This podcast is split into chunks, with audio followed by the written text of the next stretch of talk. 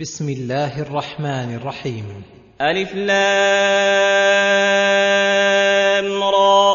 تلك آيات الكتاب المبين. يخبر تعالى أن آيات القرآن هي آيات الكتاب المبين أي البين الواضحة ألفاظه ومعانيه. إنا أنزلناه قرآنا عربيا لعلكم تعقلون. ومن بيانه وإيضاحه أنه أنزله باللسان العربي. أشرف الألسنة وأبينها المبين لكل ما يحتاجه الناس من الحقائق النافعة وكل هذا الإيضاح والتبيين لعلكم تعقلون أي لتعقلوا حدوده وأصوله وفروعه وأوامره ونواهيه. فإذا عقلتم ذلك بإيقانكم واتصفت قلوبكم بمعرفتها أثمر ذلك عمل الجوارح والانقياد إليه. ولعلكم تعقلون أي تزداد عقولكم بتكرر المعاني الشريفة العالية على أذهانكم.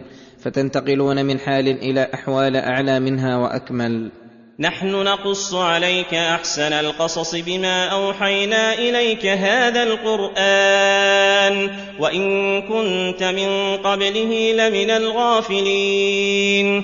نحن نقص عليك أحسن القصص وذلك لصدقها وسلامة عبارتها ورونق معانيها. بما أوحينا إليك هذا القرآن أي بما اشتمل عليه هذا القرآن الذي أوحيناه إليك. وفضلناك به على سائر الأنبياء وذلك محض منة من الله وإحسان. وإن كنت من قبله لمن الغافلين أي ما كنت تدري ما الكتاب ولا الإيمان قبل أن يوحي الله إليك. ولكن جعلناه نورا نهدي به من نشاء من عبادنا. ولما مدح ما اشتمل عليه هذا القرآن من القصص وأنها أحسن القصص على الإطلاق فلا يوجد من القصص في شيء من الكتب مثل هذا القرآن.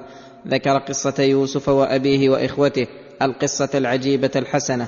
فقال إذ قال يوسف لأبيه يا أبت إني رأيت أحد عشر كوكبا والشمس والقمر رأيتهم لي ساجدين.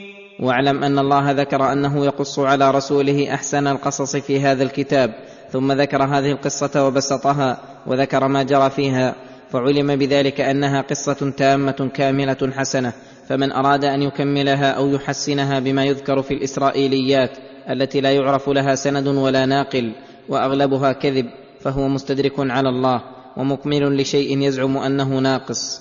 وحسبك بأمر ينتهي إلى هذا الحد قبحا فإن تضاعيف هذه السورة قد ملئت في كثير من التفاسير من الأكاذيب والأمور الشنيعة المناقضة لما قصه الله تعالى بشيء كثير. فعلى العبد أن يفهم عن الله ما قصه ويدع ما سوى ذلك مما ليس عن النبي صلى الله عليه وسلم ينقل. فقوله تعالى إذ قال يوسف لأبيه يا أبت إني رأيت أحد عشر كوكبا والشمس والقمر رأيتهم لي ساجدين. إذ قال يوسف لأبيه يعقوب بن إسحاق ابن إبراهيم الخليل عليهم الصلاة والسلام يا أبت إني رأيت أحد عشر كوكبا والشمس والقمر رأيتهم لي ساجدين. فكانت هذه الرؤيا مقدمة لما وصل إليه يوسف عليه السلام من الارتفاع في الدنيا والآخرة. وهكذا إذا أراد الله أمرا من الأمور العظام قدم بين يديه مقدمة توطئة له وتسهيلا لأمره واستعدادا لما يرد على العبد من المشاق لطفا بعبده واحسانا إليه. فأولها يعقوب بأن الشمس أمه والقمر أبوه والكواكب إخوته. وأنه ستنتقل به الأحوال إلى أن يصير إلى حال يخضعون له ويسجدون له إكراما وإعظاما وأن ذلك لا يكون إلا بأسباب تتقدمه من اجتباء الله له واصطفائه له وإتمام نعمته عليه بالعلم والعمل والتمكين في الأرض وأن هذه النعمة ستشمل آل يعقوب الذين سجدوا له وصاروا تبعا له فيها ولهذا قال وكذلك يجتبيك ربك ويعلمك من تأويل الأحاديث ويتم نعمته عليك وعلى آل يعقوب كما أتمها على أبويك من قبل إبراهيم وإسحاق. إن ربك عليم حكيم. وكذلك يجتبيك ربك أن يصطفيك ويختارك بما يمن به عليك من الأوصاف الجليلة والمناقب الجميلة ويعلمك من تأويل الأحاديث أي من تعبير الرؤيا وبيان ما تؤول إليه الأحاديث الصادقة كالكتب السماوية ونحوها ويتم نعمته عليك في الدنيا والآخرة بأن يؤتيك في الدنيا حسنة وفي الآخرة حسنة كما أتمها على أبويك من قبل إبراهيم وإسحاق. حيث أنعم الله عليهما بنعم عظيمة واسعة دينية ودنيوية. إن ربك عليم حكيم أي علمه محيط بالأشياء وبما احتوت عليه ضمائر العباد من البر وغيره فيعطي كل ما تقتضيه حكمته وحمده فإنه حكيم يضع الأشياء مواضعها وينزلها منازلها.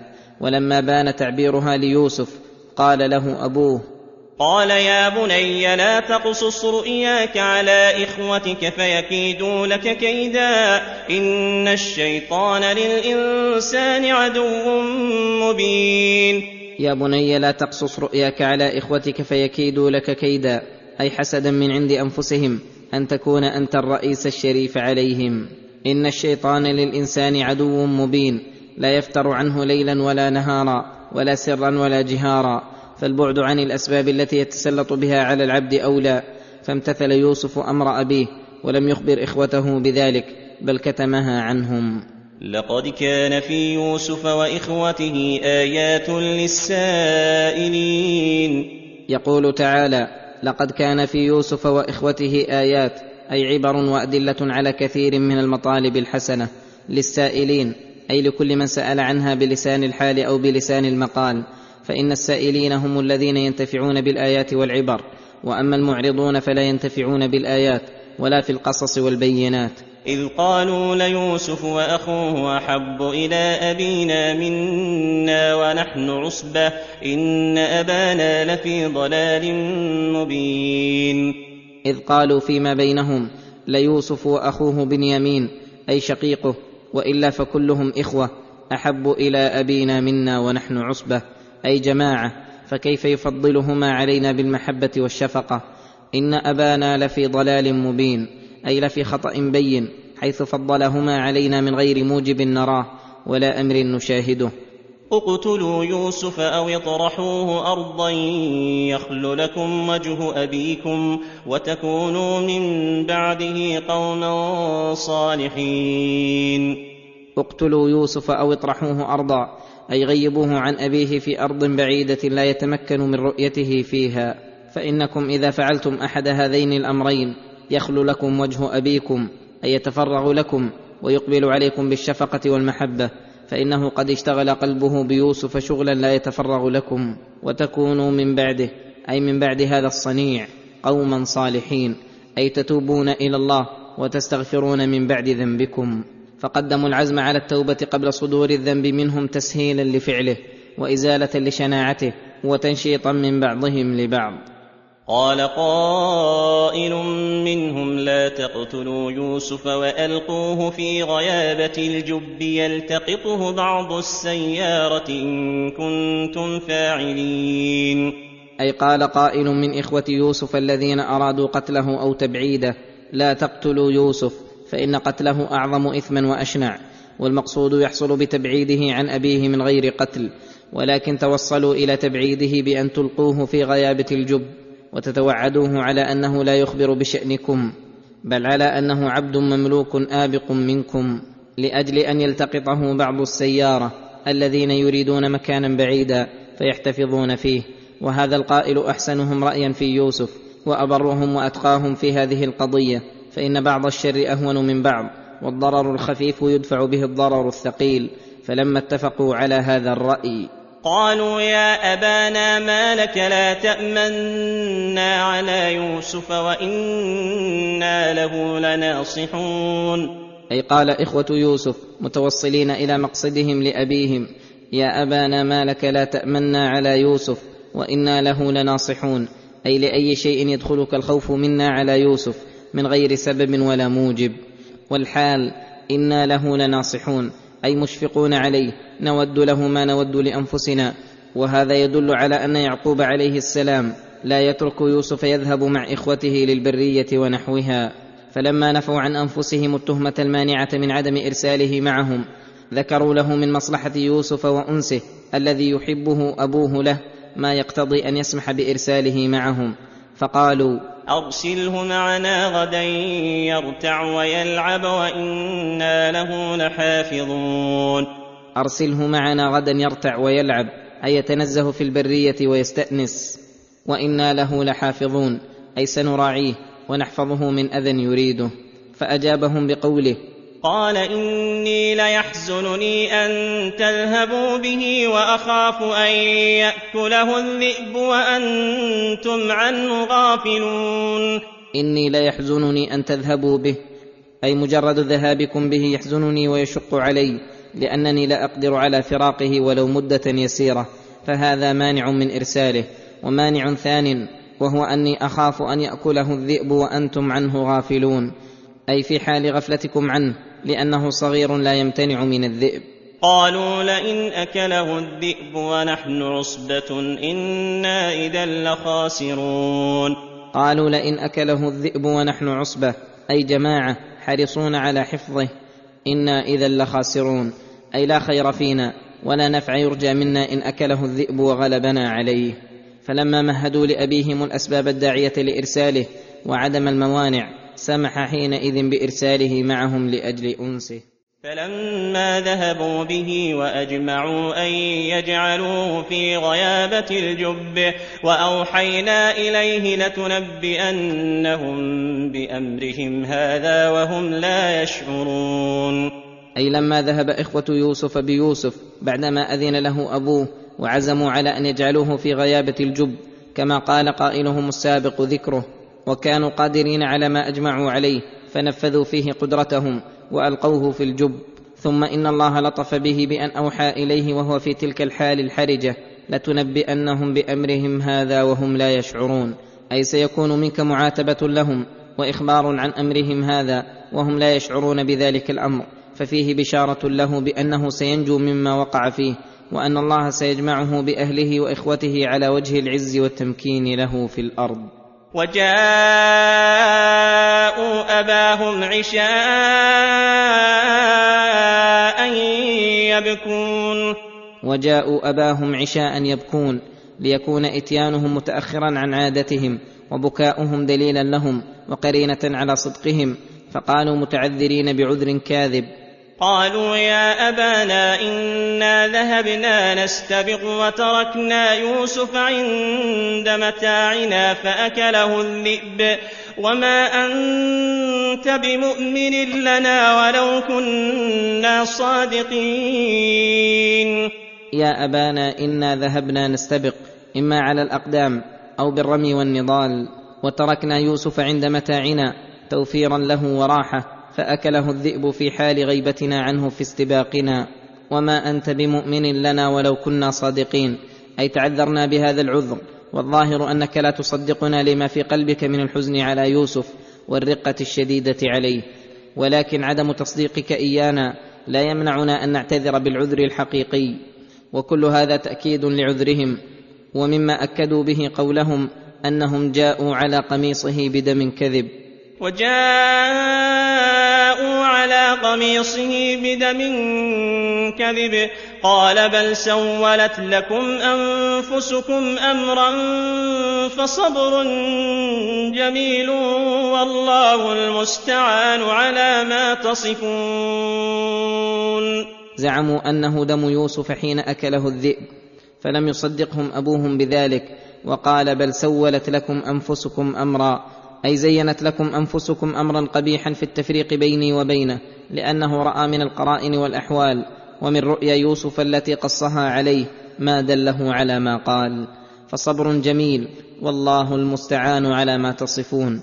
أي أما أنا فوظيفتي سأحرص على القيام بها وهي أني أصبر على هذه المحنة صبرا جميلا سالما من السخط والتشكي إلى الخلق وأستعين الله على ذلك لا على حولي وقوتي فوعد من نفسه هذا الأمر وشكا إلى خالقه في قوله إنما أشكو بثي وحزني إلى الله لأن الشكوى إلى الخالق لا تنافي الصبر الجميل لأن النبي إذا وعد وفى.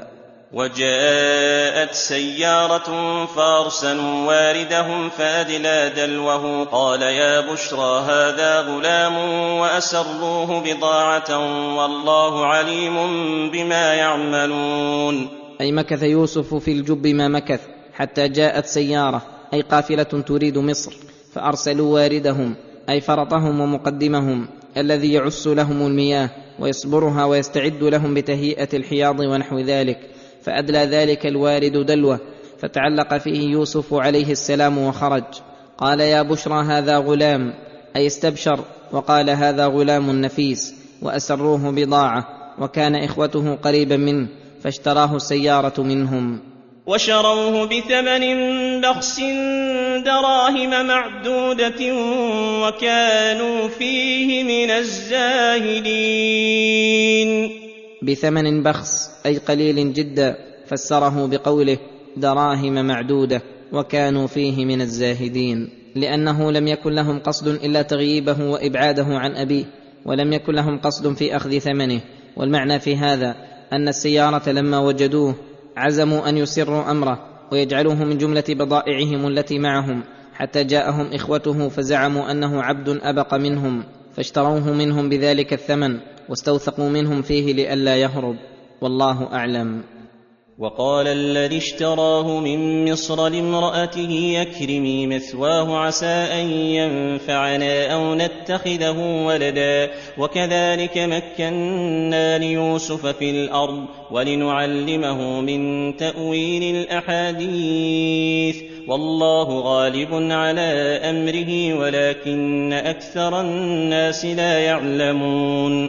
أي لما ذهب به السيارة إلى مصر وباعوه بها فاشتراه عزيز مصر. فلما اشتراه أعجب به ووصى عليه امرأته وقال أكرمي مثواه عسى أن ينفعنا أو نتخذه ولدا. أي إما ينفعنا كنفع العبيد بأنواع الخدم وإما أن نستمتع فيه استمتاعنا بأولادنا ولعل ذلك أنه لم يكن لهما ولد. وكذلك مكنا ليوسف في الأرض أي كما يسرنا أن يشتريه عزيز مصر ويكرمه هذا الإكرام. جعلنا هذا مقدمة لتمكينه في الأرض من هذا الطريق ولنعلمه من تأويل الأحاديث إذا بقي لا شغل له ولا هم له سوى العلم صار ذلك من أسباب تعلمه علما كثيرا من علم الأحكام وعلم التعبير وغير ذلك والله غالب على أمره أي أمره تعالى نافذ لا يبطله مبطل ولا يغلبه مغالب ولكن أكثر الناس لا يعلمون فلذلك يجري منهم ويصدر ما يصدر. في مغالبة أحكام الله القدرية وهم أعجز وأضعف من ذلك. ولما بلغ أشده آتيناه حكما وعلما وكذلك نجزي المحسنين. أي لما بلغ يوسف أشده أي كمال قوته المعنوية والحسية وصلح لأن يتحمل الأحمال الثقيلة من النبوة والرسالة آتيناه حكما وعلما أي جعلناه نبيا رسولا وعالما ربانيا. وكذلك نجزي المحسنين في عبادة الخالق ببذل الجهد والنصح فيها وإلى عباد الله ببذل النفع والإحسان إليهم نؤتيهم من جملة الجزاء على إحسانهم علما نافعا. ودل هذا على أن يوسف وفى مقام الإحسان فأعطاه الله الحكم بين الناس والعلم كثير والنبوة. وراودته التي هو في بيتها عن نفسه وغلقت الأبواب وقالت هيت لك. قال معاذ الله إنه ربي أحسن مثواي إنه لا يفلح الظالمون ولقد همت به وهم بها لولا أن رأى برهان ربه. كذلك لنصرف عنه السوء والفحشاء إنه من عبادنا المخلصين. هذه المحنة العظيمة أعظم على يوسف من محنة إخوته. وصبره عليها أعظم اجرا لأنه صبر اختيار لأنه صبر اختيار مع وجود الدواعي الكثيرة لوقوع الفعل فقدم محبة الله عليها. وأما محنته بإخوته فصبره صبر اضطرار بمنزلة الأمراض والمكاره التي تصيب العبد بغير اختياره وليس له ملجأ إلا الصبر عليها طائعا أو كارها. وذلك أن يوسف عليه السلام بقي مكرما في بيت العزيز وكان له من الجمال والكمال والبهاء ما أوجب ذلك. أن راودته التي هو في بيتها عن نفسه أي هو غلامها وتحت تدبيرها والمسكن واحد يتيسر إيقاع الأمر المكروه من غير إشعار أحد ولا إحساس بشر. وزادت المصيبة بأن غلقت الأبواب وصار المحل خاليا وهما آمنان من دخول أحد عليهما بسبب تغليق الأبواب وقد دعته إلى نفسها وقالت هيت لك. أي افعل الأمر المكروه وأقبل الي ومع هذا فهو غريب. لا يحتشم مثله ما يحتشمه إذا كان في وطنه وبين معارفه وهو أسير تحت يدها وهي سيدته وفيها من الجمال ما يدعو إلى ما هنالك وهو شاب عزب وقد توعدته إن لم يفعل ما تأمره به بالسجن أو العذاب الأليم فصبر عن معصية الله مع وجود الداعي القوي فيه لأنه قد هم فيها هما تركه لله وقدم مراد الله على مراد النفس الأمارة بالسوء ورأى من برهان ربه وهو ما معه من العلم والإيمان الموجب لترك كل ما حرم الله ما أوجب له البعد والانكفاف عن هذه المعصية الكبيرة. وقال معاذ الله أي أعوذ بالله أن أفعل هذا الفعل القبيح لأنه مما يسخط الله ويبعد منه ولأنه خيانة في حق سيدي الذي أكرم مثواي. فلا يليق بي أن أقابله في أهله بأقبح مقابلة وهذا من أعظم الظلم والظالم لا يفلح. والحاصل أنه جعل الموانع له من هذا الفعل تقوى الله ومراعاة حق سيده الذي أكرمه وصيانة نفسه عن الظلم الذي لا يفلح من تعاطاه وكذلك ما من الله عليه من برهان الإيمان الذي في قلبه يقتضي منه امتثال الأوامر واجتناب الزواجر والجامع لذلك كله أن الله صرف عنه السوء والفحشاء لأنه من عباده المخلصين له في عبادتهم الذين أخلصهم الله واختارهم واختصهم لنفسه وأسدى عليهم من النعم وصرف عنه من المكاره ما كانوا به من خيار خلقه. واستبق الباب وقدت قميصه من دبر وألف يا سيدها لدى الباب وألف يا سيدها لدى الباب قالت ما جزاء من أراد بأهلك سوءا إلا أن يسجن أو عذاب أليم. ولما امتنع من إجابة طلبها بعد المراودة الشديدة ذهب ليهرب عنها ويبادر إلى الخروج من الباب ليتخلص ويهرب من الفتنة فبادرته إليه وتعلقت بثوبه فشقت قميصه فلما وصل إلى الباب في تلك الحال الفيا سيدها أي زوجها لدى الباب فرأى أمرا شق عليه فبادرت إلى الكذب أن المراودة قد كانت من يوسف وقالت ما جزاء من أراد بأهلك سوءا ولم تقل من فعل بأهلك سوءا تبرئة لها وتبرئة له أيضا من الفعل. وإنما النزاع عند الإرادة والمراودة إلا أن يسجن أو عذاب أليم أي أو يعذب عذابا أليما. فبرأ نفسه مما رمته به وقال قال هي راودتني عن نفسي وشهد شاهد من أهلها إن كان قميصه قد من قبل فصدقت وهو من الكاذبين. هي راودتني عن نفسي فحينئذ احتملت الحال صدق كل واحد منهما ولم يعلم أيهما. ولكن الله تعالى جعل للحق والصدق علامات وأمارات تدل عليه. قد يعلمها العباد وقد لا يعلمونها. فمن الله عليه في هذه القضية بمعرفة الصادق منهما تبرئة لنبيه وصفيه يوسف عليه السلام. فانبعث شاهد من أهل بيتها يشهد بقرينة من وجدت معه فهو الصادق. فقال إن كان قميصه قد من قبل فصدقت وهو من الكاذبين لأن ذلك يدل على أنه هو المقبل عليها المراود لها المعالج وأنها أرادت أن تدفعه عنها فشقت قميصه من هذا الجانب. وإن كان قميصه قد من دبر فكذبت وهو من الصادقين. وإن كان قميصه قد من دبر فكذبت وهو من الصادقين لأن ذلك يدل على هروبه منها وأنها هي التي طلبته فشقت قميصه من هذا الجانب. فلما رأى قميصه قد من دبر قال إنه من كيدكن إن كيدكن عظيم. فلما رأى قميصه قد من دبر عرف بذلك صدق يوسف وبراءته وأنها هي الكاذبة. فقال لها سيدها إنه من كيدكن إن كيدكن عظيم. وهل أعظم من هذا الكيد الذي برأت به نفسها مما أرادت وفعلت ورمت به نبي الله يوسف عليه السلام ثم إن سيدها لما تحقق الأمر قال ليوسف يوسف أعرض عن هذا واستغفري لذنبك إنك كنت من الخاطئين. يوسف أعرض عن هذا أي اترك الكلام فيه وتناسه ولا تذكره لأحد. طلبا للستر على أهله واستغفري أيتها المرأة لذنبك إنك كنت من الخاطئين.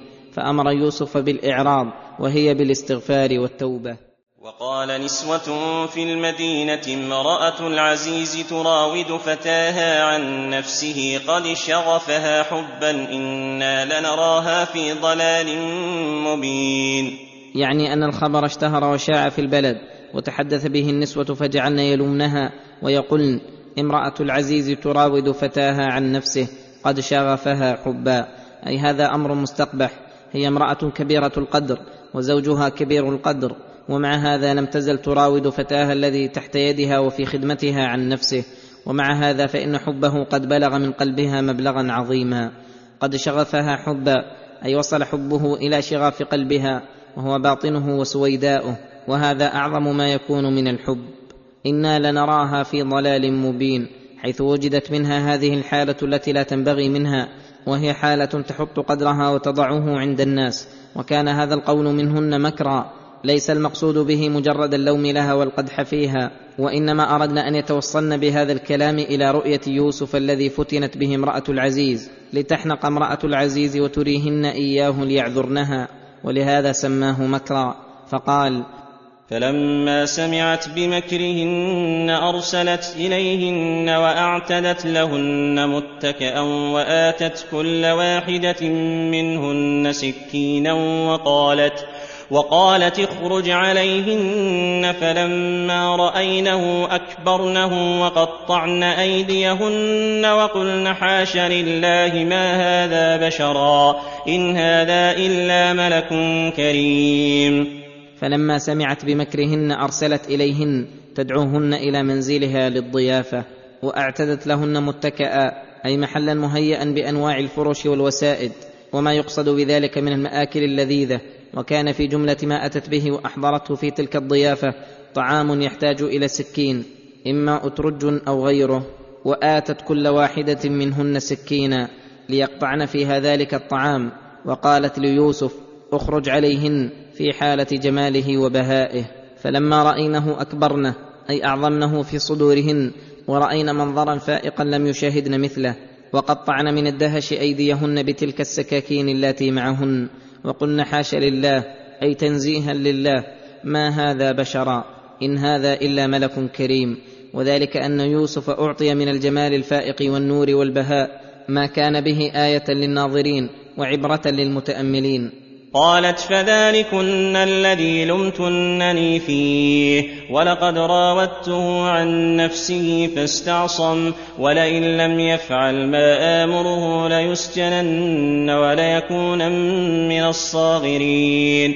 فلما تقرر عندهن جمال يوسف الظاهر وأعجبهن غاية وظهر منهن من العذر لامرأة العزيز شيء كثير أرادت أن تريهن جماله الباطن بالعفة التامة فقالت معلنة لذلك ومبينة لحبه الشديد غير مبالية ولأن اللوم انقطع عنها من النسوة ولقد راودته عن نفسه فاستعصم.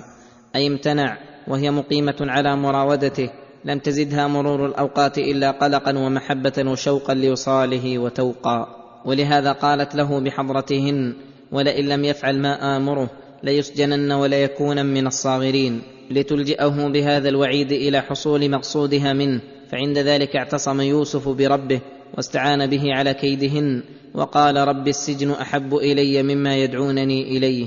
قال رب السجن أحب إلي مما يدعونني إليه وإلا تصرف عني كيدهن أصب إليهن وأكن من الجاهلين. وهذا يدل على أن النسوة جعلن يشرن على يوسف في مطاوعة سيده وجعلن يكدنه في ذلك. فاستحب السجن والعذاب الدنيوي على لذة حاضرة توجب العذاب الشديد وإلا تصرف عني كيدهن أصب إليهن أي أمل إليهن فإني ضعيف عاجز إن لم تدفع عني السوء وأكن إن صبوت إليهن من الجاهلين فإن هذا جهل لأنه آثر لذة قليلة منغصة على لذات متتابعات وشهوات متنوعات في جنات النعيم ومن آثر هذا على هذا فمن أجهل منه. فإن العلم والعقل يدعو إلى تقديم أعظم المصلحتين وأعظم اللذتين ويؤثر ما كان محمود العاقبة. فاستجاب له ربه فصرف عنه كيدهن إنه هو السميع العليم. فاستجاب له ربه حين دعاه فصرف عنه كيدهن فلم تزل تراوده وتستعين عليه بما تقدر عليه من الوسائل حتى أيسها وصرف الله عنه كيدها إنه هو السميع لدعاء الداعي العليم بنيته الصالحة وبنيته الضعيفة المقتضية لإمداده بمعونته ولطفه فهذا ما نجى الله به يوسف من هذه الفتنة الملمة والمحنة الشديدة. وأما أسياده فإنه لما اشتهر الخبر وبان وصار الناس فيها بين عاذر ولائم وقادح. ثم بدا لهم من بعد ما رأوا الآيات ليسجننه حتى حين. بدا لهم أي ظهر لهم من بعد ما رأوا الآيات أي ظهر لهم من بعد ما رأوا الآيات الدالة على براءته ليسجننه حتى حين. أي لينقطع بذلك الخبر ويتناساه الناس. فإن الشيء إذا شاع فإن الشيء إذا شاع لم يزل يذكر ويشاع مع وجود أسبابه. فإذا عدمت أسبابه نسي. فرأوا أن هذا مصلحة لهم فأدخلوه في السجن. ودخل معه السجن فتيان. قال أحدهما إني أراني أعصر خمرا. وقال الآخر إني أراني أحمل فوق رأسي خبزا تأكل الطير منه. نبئنا بتأويله إنا نراك من المحسنين. أي ولما دخل يوسف السجن كان في جملة من دخل معه السجن فتيان أي شابان فرأى كل واحد منهما رؤيا. فقصها على يوسف ليعبرها. فقال أحدهما إني أراني أعصر خمرا وقال الآخر إني أراني أحمل فوق رأسي خبزا وذلك الخبز تأكل الطير منه. نبئنا بتأويله أي بتفسيره وما يؤول إليه أمرهما وقولهما. إنا نراك من المحسنين أي من أهل الإحسان إلى الخلق. فأحسن إلينا في تعبيرك لرؤيانا كما أحسنت إلى غيرنا فتوسلا ليوسف بإحسانه. قال لا يأتيكما طعام ترزقانه إلا نبأتكما بتأويله قبل أن يأتيكما. ذلكما مما علمني ربي. إني تركت ملة قوم لا يؤمنون بالله وهم بالآخرة هم كافرون. فقال لهما مجيبا لطلبتهما لا يأتيكما طعام ترزقانه إلا نبأتكما بتأويله قبل أن يأتيكما. أي فلتطمئن قلوبكما فإني سأبادر إلى تعبير رؤياكما فلا يأتيكما غداؤكما أو عشاؤكما أول ما يجيء إليكما إلا نبأتكما بتأويله قبل أن يأتيكما ولعل يوسف عليه الصلاة والسلام قصد أن يدعوهما إلى الإيمان في هذه الحال التي بدت حاجتهما إليه ليكون أنجع لدعوته وأقبل لهما. ثم قال ذلكما التعبير الذي سأعبره لكما مما علمني ربي. أي هذا من علم الله علمنيه وأحسن إلي به وذلك إني تركت ملة قوم لا يؤمنون بالله وهم بالآخرة هم كافرون والترك كما يكون للداخل في شيء ثم ينتقل عنه يكون لمن لم يدخل فيه أصلا. فلا يقال إن يوسف كان من قبل على غير ملة إبراهيم. واتبعت ملة آبائي إبراهيم وإسحاق ويعقوب. ما كان لنا أن نشرك بالله من شيء. ذلك من فضل الله علينا وعلى الناس ولكن أكثر الناس لا يشكرون. واتبعت ملة آبائي إبراهيم وإسحاق ويعقوب ثم فسر تلك الملة بقوله ما كان لنا أي ما ينبغي ولا يليق بنا أن نشرك بالله من شيء بل نفرد الله بالتوحيد ونخلص له الدين والعبادة. ذلك من فضل الله علينا وعلى الناس أي هذا من أفضل مننه وإحسانه وفضله علينا وعلى من هداه الله كما هدانا. فإنه لا أفضل من منة الله على العباد بالإسلام والدين القويم. فمن قبله وانقاد له فهو حظه وقد حصل له أكبر النعم وأجل الفضائل. ولكن أكثر الناس لا يعلمون فلذلك تأتيهم المنة والإحسان فلا يقبلونها ولا يقومون لله بحقه. وفي هذا من الترغيب للطريق التي هو عليها ما لا يخفى. فإن الفتيين لما تقرر عنده انهما رأياه بعين التعظيم والإجلال وأنه محسن معلم ذكر لهما أن هذه الحالة التي أنا عليها كلها من فضل الله وإحسانه حيث من علي بترك الشرك وباتباع ملة آبائه. فبهذا وصلت إلى ما رأيتما فينبغي لكما أن تسلكا ما سلكت. ثم صرح لهما بالدعوة فقال يا صاحبي السجن أأرباب متفرقون خير أم الله الواحد القهار؟ يا صاحبي السجن أأرباب متفرقون خير أم الله الواحد القهار؟ أي أرباب عاجزة ضعيفة لا تنفع ولا تضر ولا تعطي ولا تمنع. وهي متفرقة ما بين أشجار وأحجار وملائكة وأموات وغير ذلك من أنواع المعبودات التي يتخذها المشركون. أتلك خير أم الله الذي له صفات الكمال الواحد في ذاته وصفاته وأفعاله فلا شريك له في شيء من ذلك. القهار الذي انقادت الأشياء لقهره وسلطانه فما شاء كان وما لم يشأ لم يكن. ما من دابة إلا هو آخذ بناصيتها. ومن المعلوم أن من هذا شأنه ووصفه. خير من الآلهة المتفرقة التي هي مجرد أسماء لا كمال لها ولا أفعال لديها. ولهذا قال ما تعبدون من دونه إلا أسماء سميتموها أنتم وآباؤكم ما أنزل الله بها من سلطان. إن الحكم إلا لله أمر الا تعبدوا إلا إياه. ذلك الدين القيم ولكن أكثر الناس لا يعلمون.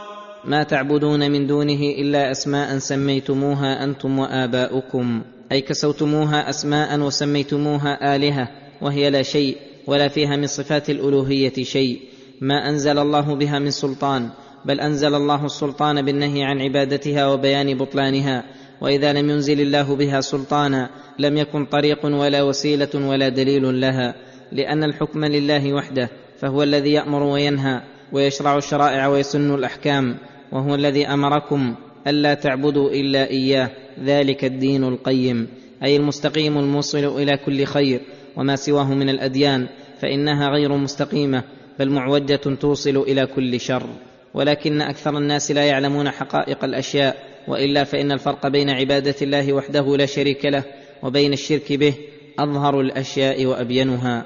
ولكن لعدم العلم من أكثر الناس بذلك حصل منهم ما حصل من الشرك. فيوسف عليه السلام دعا صاحبي السجن لعبادة الله وحده وإخلاص الدين له فيحتمل أنهما استجابا وانقادا فتمت عليهما النعمة ويحتمل أنهما لم يزالا على شركهما. فقامت عليهما بذلك الحجة ثم إنه عليه السلام شرع يعبر رؤياهما بعدما وعدهما ذلك فقال يا صاحبي السجن أما أحدكما فيسقي ربه خمرا وأما الآخر فيصلب فتأكل الطير من رأسه قضي الأمر الذي فيه تستفتيان. يا صاحبي السجن أما أحدكما وهو الذي رأى أنه يعصر خمرا فإنه يخرج من السجن فيسقي ربه خمرا أي يسقي سيده الذي كان يخدمه خمرا وذلك مستلزم لخروجه من السجن. وأما الآخر وهو الذي رأى أنه يحمل فوق رأسه خبزا تأكل الطير منه فيصلب فتأكل الطير من رأسه فإنه عبر عن الخبز الذي تأكله الطير بلحم رأسه وشحمه وما فيه من المخ وأنه لا يقبر ويستر عن الطيور بل يصلب ويجعل في محل تتمكن الطيور من أكله. ثم أخبرهما بأن هذا التأويل الذي تأوله لهما أنه لا بد من وقوعه فقال قضي الأمر الذي فيه تستفتيان أي تسألان عن تعبيره وتفسيره. وقال للذي ظن أنه ناج منه اذكرني عند ربك فأنساه الشيطان ذكر ربه فلبث في السجن بضع سنين. أي وقال يوسف عليه السلام للذي ظن أنه ناج منهما وهو الذي رأى أنه يعصر خمرا اذكرني عند ربك أي اذكر له شأني وقصتي لعله يرق لي فيخرجني مما أنا فيه. فأنساه الشيطان ذكر ربه أي فأنسى الشيطان ذلك الناجي ذكر الله تعالى وذكر ما يقرب إليه ومن جملة ذلك نسيانه ذكر يوسف الذي يستحق أن يجازى باتم الإحسان. وذلك ليتم الله أمره وقضاءه. فلبث في السجن بضع سنين والبضع من الثلاث إلى التسع. ولهذا قيل إنه لبث سبع سنين. ولما أراد الله أن يتم أمره ويأذن بإخراج يوسف من السجن قدر لذلك سببا. كان سببا لإخراج يوسف وارتفاع شأنه وإعلاء قدره وهو رؤيا الملك. وقال الملك إني أرى سبع بقرات سمان يأكلهن سبع عجاف وسبع سنبلات خضر وأخر يابسات. يا أيها الملأ أفتوني يا أيها الملأ أفتوني في رؤياي إن كنتم للرؤيا تعبرون. لما أراد الله تعالى أن يخرج يوسف من السجن أرى الله الملك هذه الرؤيا العجيبة. الذي تأويلها يتناول جميع الأمة ليكون تأويلها على يد يوسف فيظهر من فضله ويبين من علمه ما يكون له رفعة في الدارين. ومن التقادير المناسبة أن الملك الذي ترجع إليه أمور الرعية هو الذي رآها لارتباط مصالحها به وذلك أنه رأى رؤيا هالته فجمع لها علماء قومه وذوي الرأي منهم وقال إني أرى سبع بقرات سمان يأكلهن سبع أي سبع من البقرات عجاف وهذا من العجب أن السبع العجاف الهزيلات اللاتي سقطت قوتهن يأكلن السبع السمان التي كن نهاية في القوة ورأيت سبع سنبلات خضر يأكلهن سبع سنبلات يابسات. يا أيها الملأ أفتوني في رؤياي لأن تعبير الجميع واحد وتأويله شيء واحد إن كنتم للرؤيا تعبرون فتحيروا ولم يعرفوا لها وجها. قالوا أضغاث أحلام وما نحن بتأويل الأحلام بعالمين. وقالوا أضغاث أحلام أي أحلام لا حاصل لها ولا لها تأويل وهذا جزم منهم بما لا يعلمون وتعذر منهم بما ليس بعذر ثم قالوا وما نحن بتأويل الأحلام بعالمين أي لا نعبر إلا الرؤيا وأما الأحلام التي هي من الشيطان أو من حديث النفس فإنا لا نعبرها. فجمعوا بين الجهل والجزم بأنها أضغاث أحلام والإعجاب بالنفس بحيث إنهم لم يقولوا لا نعلم تأويلها وهذا من الأمور التي لا تنبغي لأهل الدين والحجاء. وهذا أيضا من لطف الله بيوسف عليه السلام فإنه لو عبرها ابتداء قبل أن يعرضها على الملأ من قومه وعلمائهم فيعجزوا عنها لم يكن لها ذلك الموقع. ولكن لما عرضها عليهم فعجزوا عن الجواب وكان الملك مهتما لها غاية. فعبرها يوسف وقعت عندهم موقعا عظيما. وهذا نظير إظهار الله فضل آدم على الملائكة بالعلم. بعد أن سألهم فلم يعلموا ثم سأل آدم فعلمهم أسماء كل شيء فحصل بذلك زيادة فضله.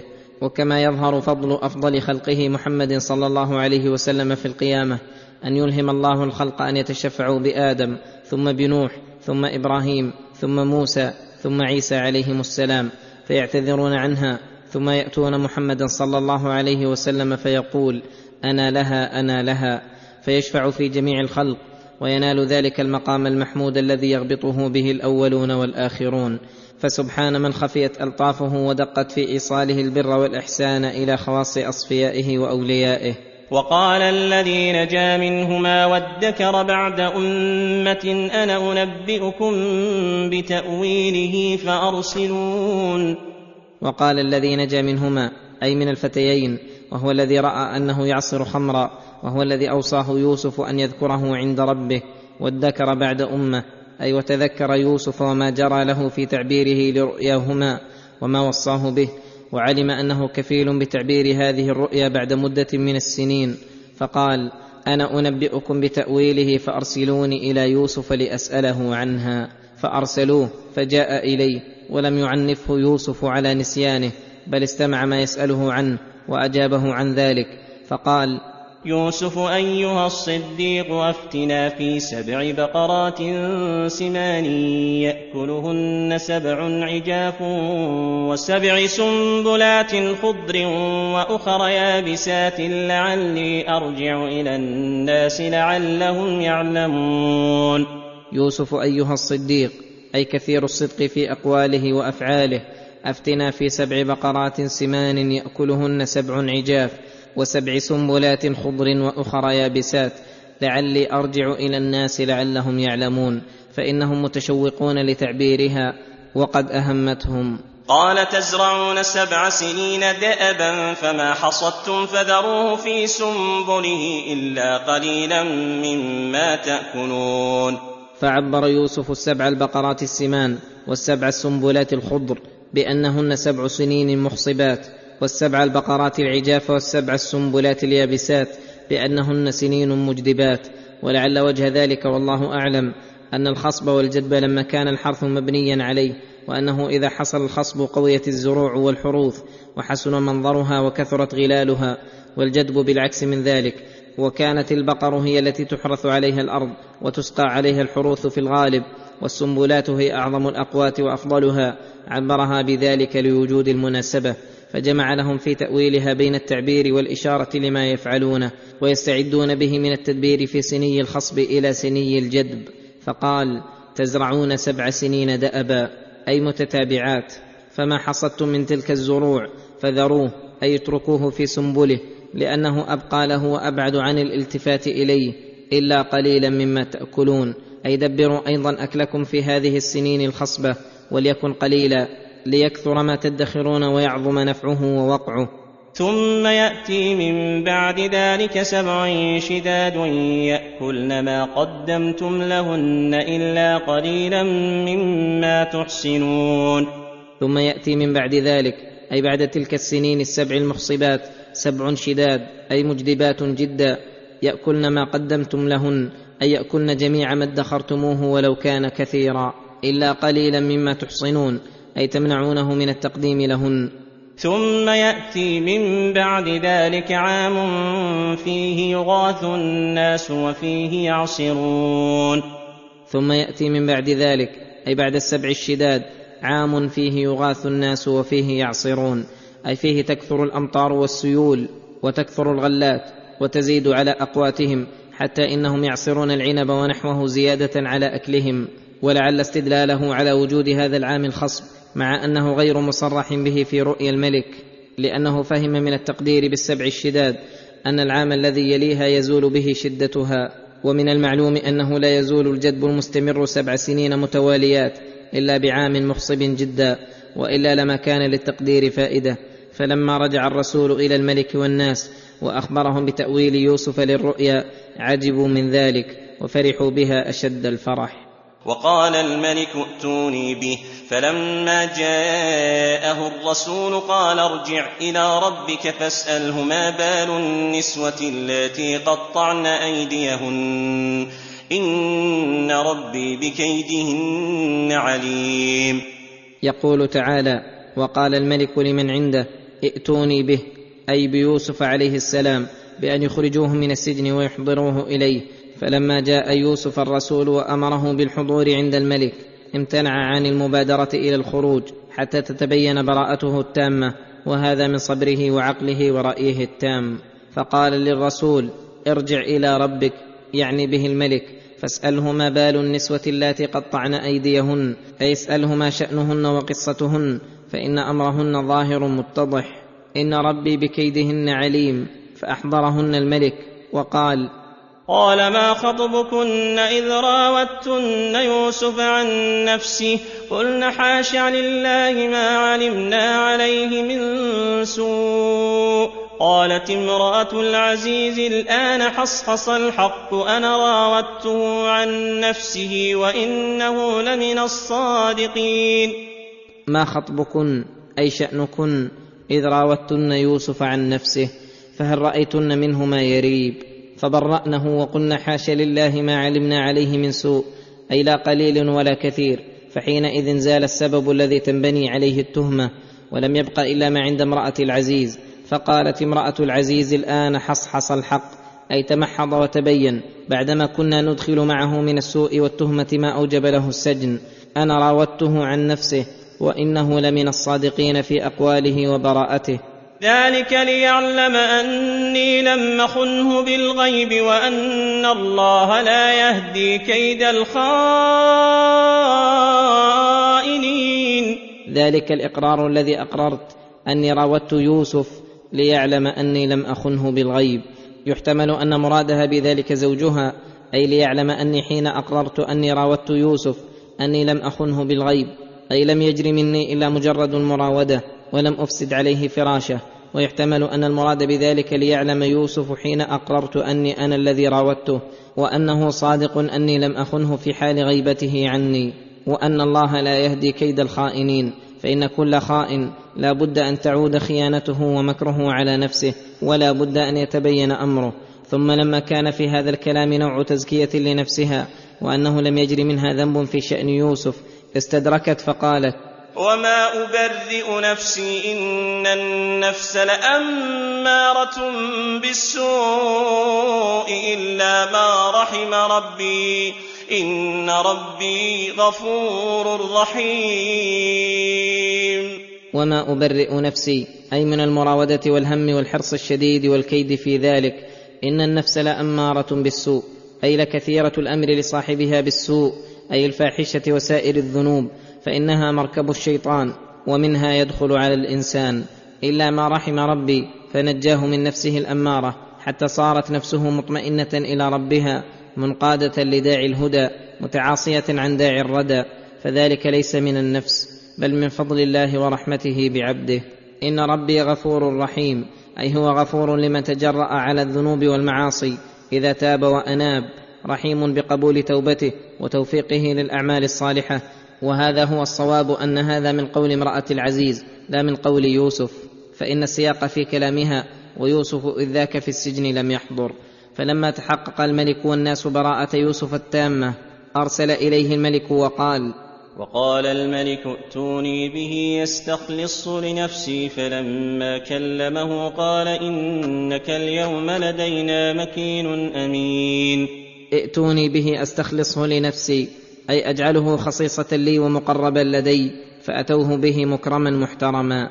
فلما كلمه أعجبه كلامه وزاد موقعه عنده فقال له إنك اليوم لدينا أي عندنا مكين أمين أي متمكن أمين على الأسرار. فقال يوسف طلبا للمصلحة العامة قال اجعلني على خزائن الأرض إني حفيظ عليم. اجعلني على خزائن الأرض أي على خزائن جبايات الأرض وغلالها وكيلا حافظا مدبرا.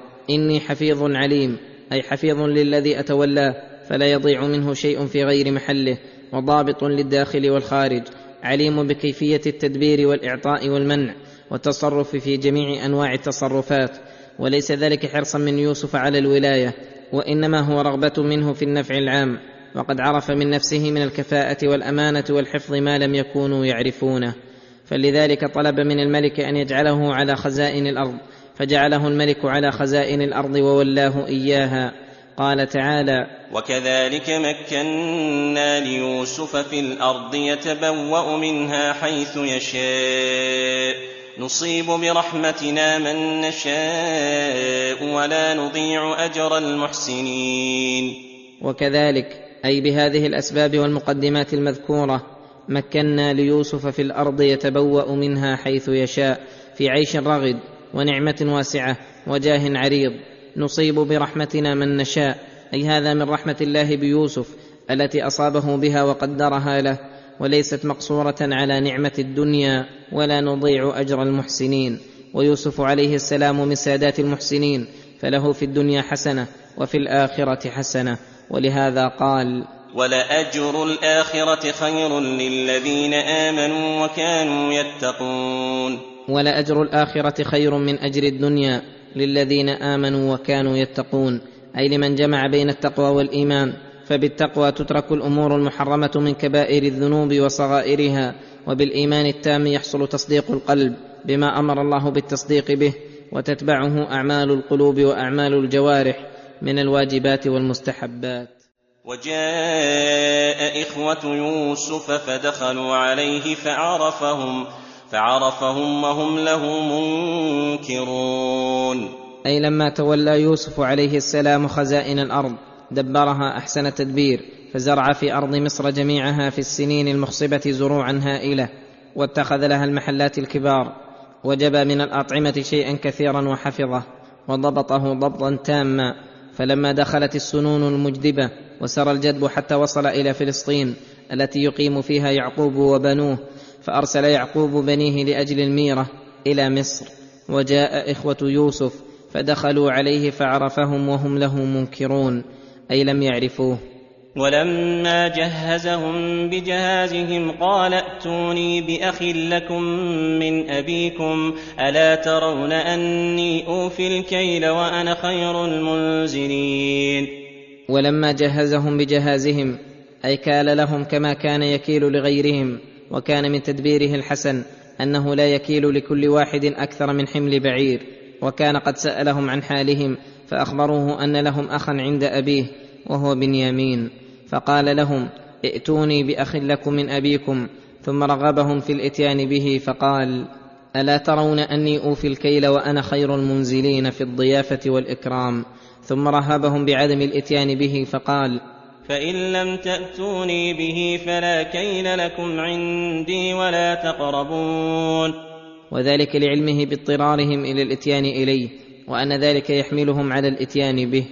قالوا سنراود عنه أباه وإنا لفاعلون.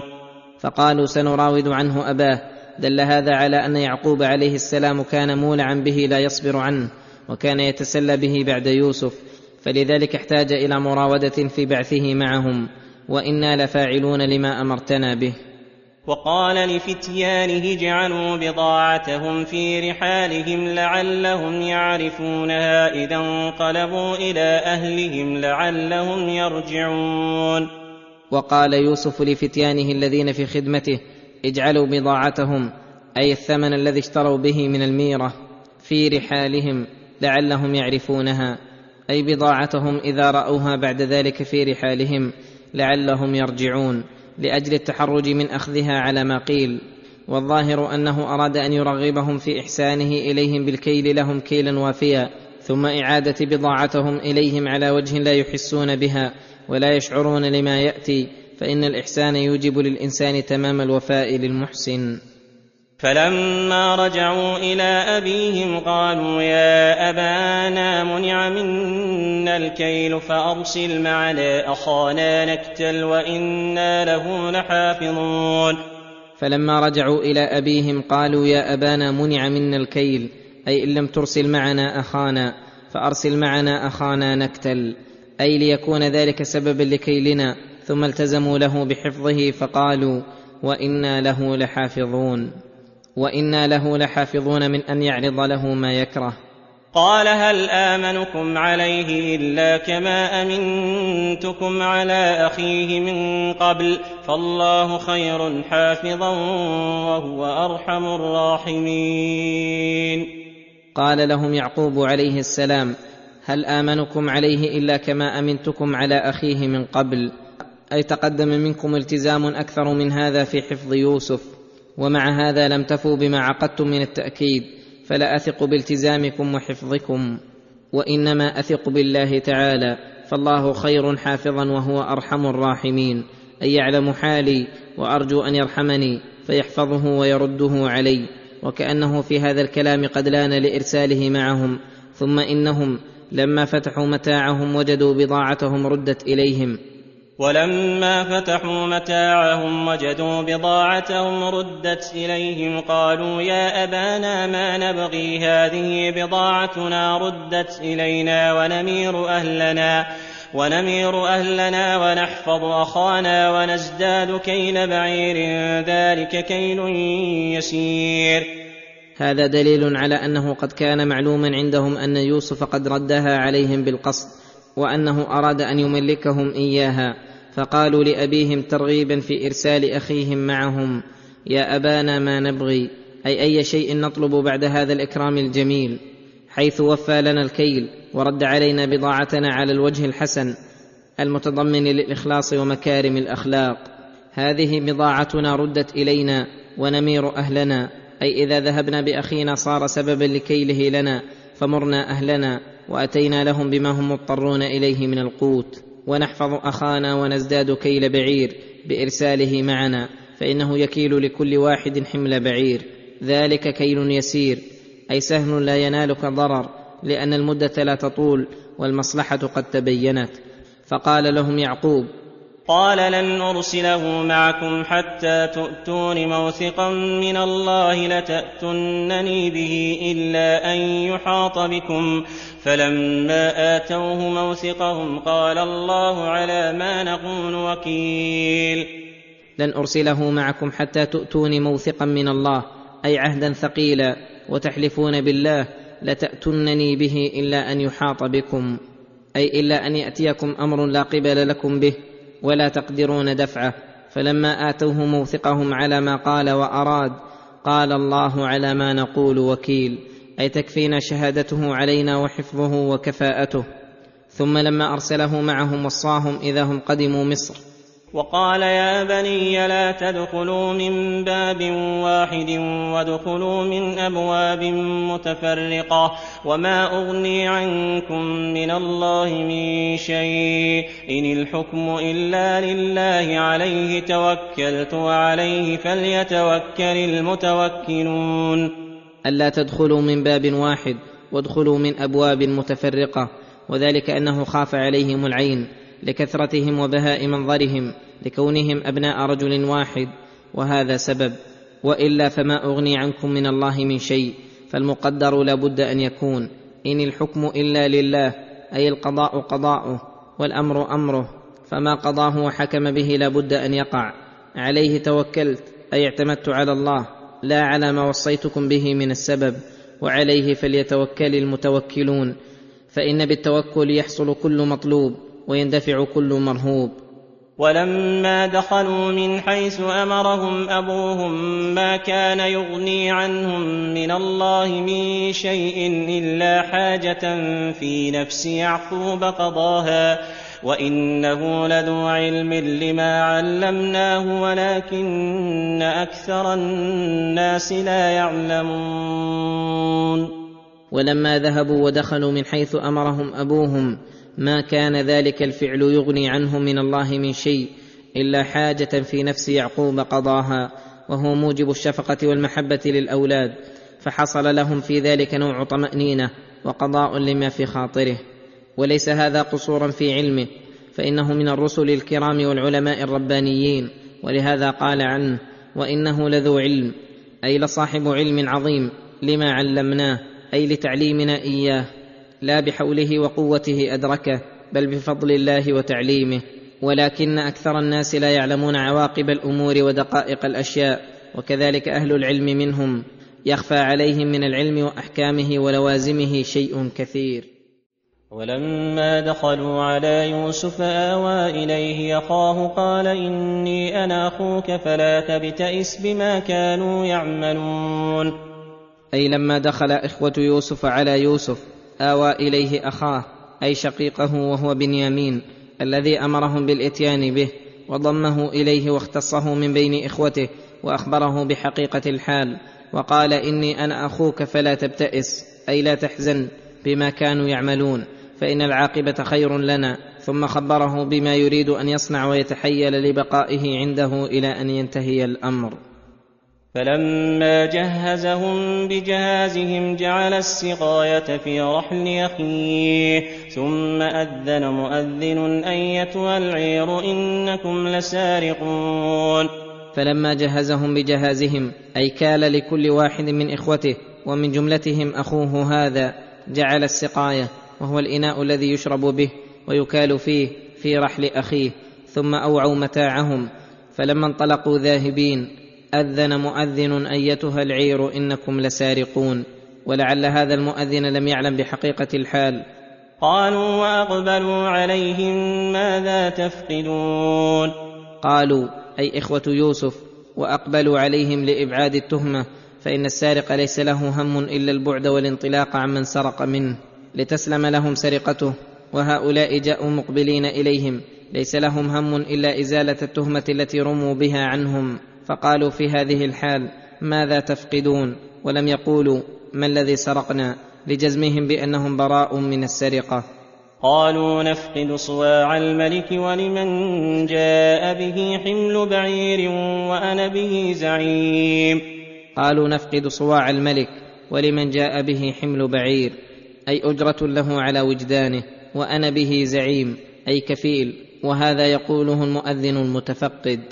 قالوا تالله لقد علمتم ما جئنا لنفسد في الأرض وما كنا سارقين. قالوا تالله لقد علمتم ما جئنا لنفسد في الأرض بجميع أنواع المعاصي وما كنا سارقين فإن السرقة من أكبر أنواع الفساد في الأرض وإنما أقسموا على علمهم أنهم ليسوا مفسدين ولا سارقين لأنهم عرفوا أنهم سبروا من أحوالهم ما يدلهم على عفتهم وورعهم. وأن هذا الأمر لا يقع منهم بعلم من اتهموهم وهذا أبلغ في نفي التهمة من أن لو قالوا تالله لم نفسد في الأرض ولم نسرق. قالوا فما جزاؤه إن كنتم كاذبين. قالوا فما جزاؤه أي جزاء هذا الفعل إن كنتم كاذبين بأن كان معكم. قالوا جزاؤه من وجد في رحله فهو جزاؤه كذلك نجزي الظالمين. قالوا جزاؤه من وجد في رحله فهو أي الموجود في رحله جزاؤه بأن يتملكه صاحب السرقة. وكان هذا في دينهم أن السارق إذا ثبتت عليه السرقة كان ملكا لصاحب المال المسروق. ولهذا قالوا كذلك نجزي الظالمين. فبدأ بأوعيتهم قبل وعاء أخيه ثم استخرجها من وعاء أخيه. كذلك كدنا ليوسف ما كان ليأخذ أخاه في دين الملك إلا أن يشاء الله. نرفع درجات من نشاء وفوق كل ذي علم عليم. فبدأ المفتش فبدأ المفتش بأوعيتهم قبل وعاء أخيه وذلك لتزول الريبة التي يظن أنها فعلت بالقصد. فلما لم يجد في أوعيتهم شيئا استخرجها من وعاء أخيه ولم يقل وجدها أو سرقها أخوه مراعاة للحقيقة الواقعة. فحينئذ تم ليوسف ما أراد من بقاء أخيه عنده على وجه لا يشعر به إخوته. قال تعالى كذلك كدنا ليوسف اي يسرنا له هذا الكيد الذي توصل به إلى أمر غير مذموم. ما كان ليأخذ أخاه في دين الملك لأنه ليس من دينه أن يتملك السارق وإنما له عندهم جزاء آخر. فلو ردت الحكومة إلى دين الملك لم يتمكن يوسف من إبقاء أخيه عنده ولكنه جعل الحكم منهم ليتم له ما أراد. قال تعالى نرفع درجات من نشاء بالعلم النافع ومعرفة الطرق الموصلة إلى مقصدها. كما رفعنا درجات يوسف وفوق كل ذي علم عليم فكل عالم فوقه من هو أعلم منه حتى ينتهي العلم إلى عالم الغيب والشهادة. فلما رأى إخوة يوسف ما رأوا قالوا إن يسرق فقد سرق أخ له من قبل فأسرها يوسف في نفسه ولم يبدها لهم قال أنتم شر مكانا والله أعلم بما تصفون قالوا إن يسرق هذا الأخ فليس غريبا منه فقد سرق أخ له من قبل يعنون يوسف عليه السلام ومقصودهم تبرئة أنفسهم وأن هذا وأخاه قد يصدر منهما ما يصدر من السرقة وهما ليس شقيقين لنا وفي هذا من الغض عليهما ما فيه ولهذا أسرها يوسف في نفسه ولم يبدها لهم أي لم يقابلهم على ما قالوه بما يكرهون بل كظم الغيظ. وأسر الأمر في نفسه وقال في نفسه أنتم شر مكانا حيث ذممتمونا بما أنتم على أشر منه. والله أعلم بما تصفون منا من وصفنا بالسرقة يعلم الله أنا براء منها ثم سلكوا معه مسلك التملق لعله يسمح لهم بأخيهم. قالوا يا أيها العزيز إن له أبا شيخا كبيرا فخذ أحدنا مكانه إنا نراك من المحسنين. فقالوا يا أيها العزيز إن له أبا شيخا كبيرا أي وإنه لا يصبر عنه وسيشق عليه فراقه. فخذ أحدنا مكانه إنا نراك من المحسنين فأحسن إلينا وإلى أبينا بذلك. فقال يوسف قال معاذ الله أن نأخذ إلا من وجدنا متاعنا عنده إنا إذا لظالمون. معاذ الله أن نأخذ إلا من وجدنا متاعنا عنده. أي هذا ظلم منا لو أخذنا البريء بذنب من وجدنا متاعنا عنده. ولم يقل من سرق. كل هذا تحرز من الكذب. إنا اذا أي إن أخذنا غير من وجد في رحله لظالمون حيث وضعنا العقوبة في غير موضعها. فلما استيئسوا منه خلصوا نجيا قال كبيرهم ألم تعلموا أن أباكم قد أخذ عليكم موثقا من الله؟ ومن قبل ما فرطتم في يوسف فلن أبرح الأرض حتى يأذن لي أبي أو يحكم الله لي وهو خير الحاكمين. أي فلما استيأس إخوة يوسف من يوسف أن يسمح لهم بأخيهم خلصوا نجيا أي اجتمعوا وحدهم ليس معهم غيرهم وجعلوا يتناجون فيما بينهم. فقال كبيرهم ألم تعلموا أن أباكم قد أخذ عليكم موثقا من الله في حفظه؟ وأنكم تأتون به إلا أن يحاط بكم. ومن قبل ما فرطتم في يوسف فاجتمع عليكم الأمران. تفريطكم في يوسف السابق وعدم إتيانكم بأخيه باللاحق. فليس لي وجه أواجه به أبي. فلن أبرح الأرض. أي سأقيم في هذه الأرض ولا أزال بها حتى يأذن لي أبي أو يحكم الله لي. اي يقدر لي المجيء وحدي أو مع أخي. وهو خير الحاكمين. ثم وصاهم بما يقولون لأبيهم. فقال ارجعوا إلى أبيكم فقولوا يا أبانا إن ابنك سرق وما شهدنا إلا بما علمنا وما كنا للغيب حافظين. ارجعوا إلى أبيكم فقولوا يا أبانا إن ابنك سرق أي وأخذ بسرقته ولم يحصل لنا أن نأتيك به مع ما بذلنا من الجهد في ذلك والحال أن ما شهدنا بشيء لم نعلمه. وإنما شهدنا بما علمنا لأننا رأينا الصواع استخرج من رحله وما كنا للغيب حافظين. أي لو كنا نعلم الغيب لما حرصنا وبذلنا المجهود في ذهابه معنا ولما أعطيناك عهودنا ومواثيقنا فلم نظن أن الأمر سيبلغ ما بلغ. واسأل القرية التي كنا فيها والعير التي أقبلنا فيها وإنا لصادقون. واسأل إن شككت في قولنا القرية التي كنا فيها والعير التي أقبلنا فيها فقد اطلعوا على ما أخبرناك به. وإنا لصادقون لم نكذب ولم نغير ولم نبدل بل هذا الواقع. فلما رجعوا إلى أبيهم وأخبروه بهذا الخبر اشتد حزنه وتضاعف كمده واتهمهم أيضا في هذه القضية كما اتهمهم في الأولى. قال بل سولت لكم أنفسكم أمرا فصبر جميل فصبر جميل عسى الله أن يأتيني بهم جميعا إنه هو العليم الحكيم عسى الله أن يأتيني بهم جميعا إنه هو العليم الحكيم وقال بل سولت لكم أنفسكم أمرا فصبر جميل أي ألجأ في ذلك إلى الصبر الجميل الذي لا يصحبه تسخط ولا جزع ولا شكوى للخلق ثم لجأ إلى حصول الفرج لما رأى أن الأمر اشتد والكربة انتهت فقال عسى الله أن يأتيني بهم جميعا أي يوسف وبنيامين وأخوهم الكبير الذي أقام في مصر. إنه هو العليم الذي يعلم حالي واحتياجي إلى تفريجه ومنته واضطراري إلى إحسانه الحكيم الذي جعل لكل شيء قدرا ولكل أمر منتهى بحسب ما اقتضته حكمته الربانية. وتولى عنهم وقال يا أسفا على يوسف وابيضت عيناه وابيضت عيناه من الحزن فهو كظيم. أي وتولى يعقوب عليه الصلاة والسلام عن أولاده بعدما أخبروه هذا الخبر واشتد به الأسف والأسى وابيضت عيناه من الحزن الذي في قلبه والكمد الذي أوجب له كثرة البكاء حتى ابيضت عيناه من ذلك. فهو كظيم أي ممتلئ القلب من الحزن الشديد. وقال يا أسفا على يوسف. أي ظهر منه ما كمن من الهم القديم والشوق المقيم.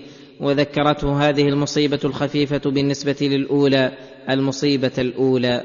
فقال له أولاده متعجبين من حاله قالوا تالله تفتأ تذكر يوسف حتى تكون حرضا حتى تكون حرضا أو تكون من الهالكين. تالله تفتأ تذكر يوسف أي لا تزال تذكر يوسف في جميع أحوالك. أي لا تزال تذكر يوسف في جميع أحوالك حتى تكون حرضا أي فانيا لا حراك فيك ولا قدرة على الكلام أو تكون من الهالكين أي لا تترك ذكره مع قدرتك على ذكره أبدا قال يعقوب. قال إنما أشكو بثي وحزني إلى الله.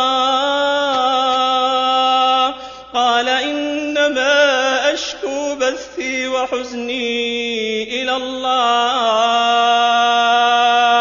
قال إنما أشكو بثي وحزني إلى الله. قال إنما أشكو بثي وحزني إلى الله. وأعلم من الله ما لا تعلمون. إنما أشكو بثي أي ما أبث من الكلام وحزني الذي في قلبي إلى الله وحده لا إليكم ولا إلى غيركم من الخلق فقولوا ما شئتم وأعلم من الله ما لا تعلمون من أنه سيردهم علي ويقر عيني بالاجتماع بهم. يا بني اذهبوا فتحسسوا من يوسف وأخيه. يا بني اذهبوا فتحسسوا من يوسف وأخيه. ولا تيأسوا من روح الله. ولا تيأسوا من روح الله إنه لا ييأس من روح الله إلا القوم الكافرون. أي قال يعقوب عليه السلام لبنيه يا بني اذهبوا فتحسسوا من يوسف وأخيه أي احرصوا واجتهدوا على التفتيش عنهما ولا تيأسوا من روح الله. فإن الرجاء يوجب للعبد السعي والاجتهاد فيما رجاه والإياس يوجب له التثاقل والتباطؤ وأولى ما رجا العباد فضل الله وإحسانه ورحمته وروحه. إنه لا ييأس من روح الله إلا القوم الكافرون فإنهم لكفرهم يستبعدون رحمته ورحمته بعيدة منهم فلا تتشبهوا بالكافرين. ودل هذا على أنه بحسب إيمان العبد يكون رجاؤه لرحمة الله وروحه فذهبوا فلما دخلوا عليه قالوا يا أيها العزيز مسنا وأهلنا الضر وجئنا ببضاعة مزجاة فأوف لنا الكيل وتصدق علينا إن الله يجزي المتصدقين. فلما دخلوا عليه أي على يوسف قالوا متضرعين إليه يا أيها العزيز مسنا وأهلنا الضر وجئنا ببضاعة مزجاة فاوف لنا الكيل وتصدق علينا. أي قد اضطررنا نحن وأهلنا وجئنا ببضاعة مزجاة أي مدفوعة مرغوب عنها لقلتها وعدم وقوعها الموقع. فاوف لنا الكيل أي مع عدم وفاء العرض وتصدق علينا بالزيادة عن الواجب. إن الله يجزي المتصدقين بثواب الدنيا والآخرة. فلما انتهى الأمر وبلغ أشده رق لهم يوسف رقة شديدة وعرفهم بنفسه وعاتبهم. قال هل علمتم ما فعلتم بيوسف وأخيه إذ أنتم جاهلون؟ أما يوسف فظاهر فعلهم فيه وأما أخوه فلعله والله أعلم قولهم إن يسرق فقد سرق أخ له من قبل أو أن الحادث الذي فرق بينه وبين أبيه هم السبب فيه والأصل الموجب له إذ أنتم جاهلون وهذا نوع اعتذار لهم بجهلهم أو توبيخ لهم إذ فعلوا فعل الجاهلين مع أنه لا ينبغي ولا يليق منهم. فعرفوا أن الذي خاطبهم هو يوسف فقالوا قالوا أئنك لأنت يوسف؟ قال أنا يوسف وهذا أخي قد من الله علينا. إنه من يتق ويصبر فإن الله لا يضيع أجر المحسنين. أئنك لأنت يوسف. قال أنا يوسف وهذا أخي. قد من الله علينا بالإيمان والتقوى والتمكين في الدنيا وذلك بسبب الصبر والتقوى.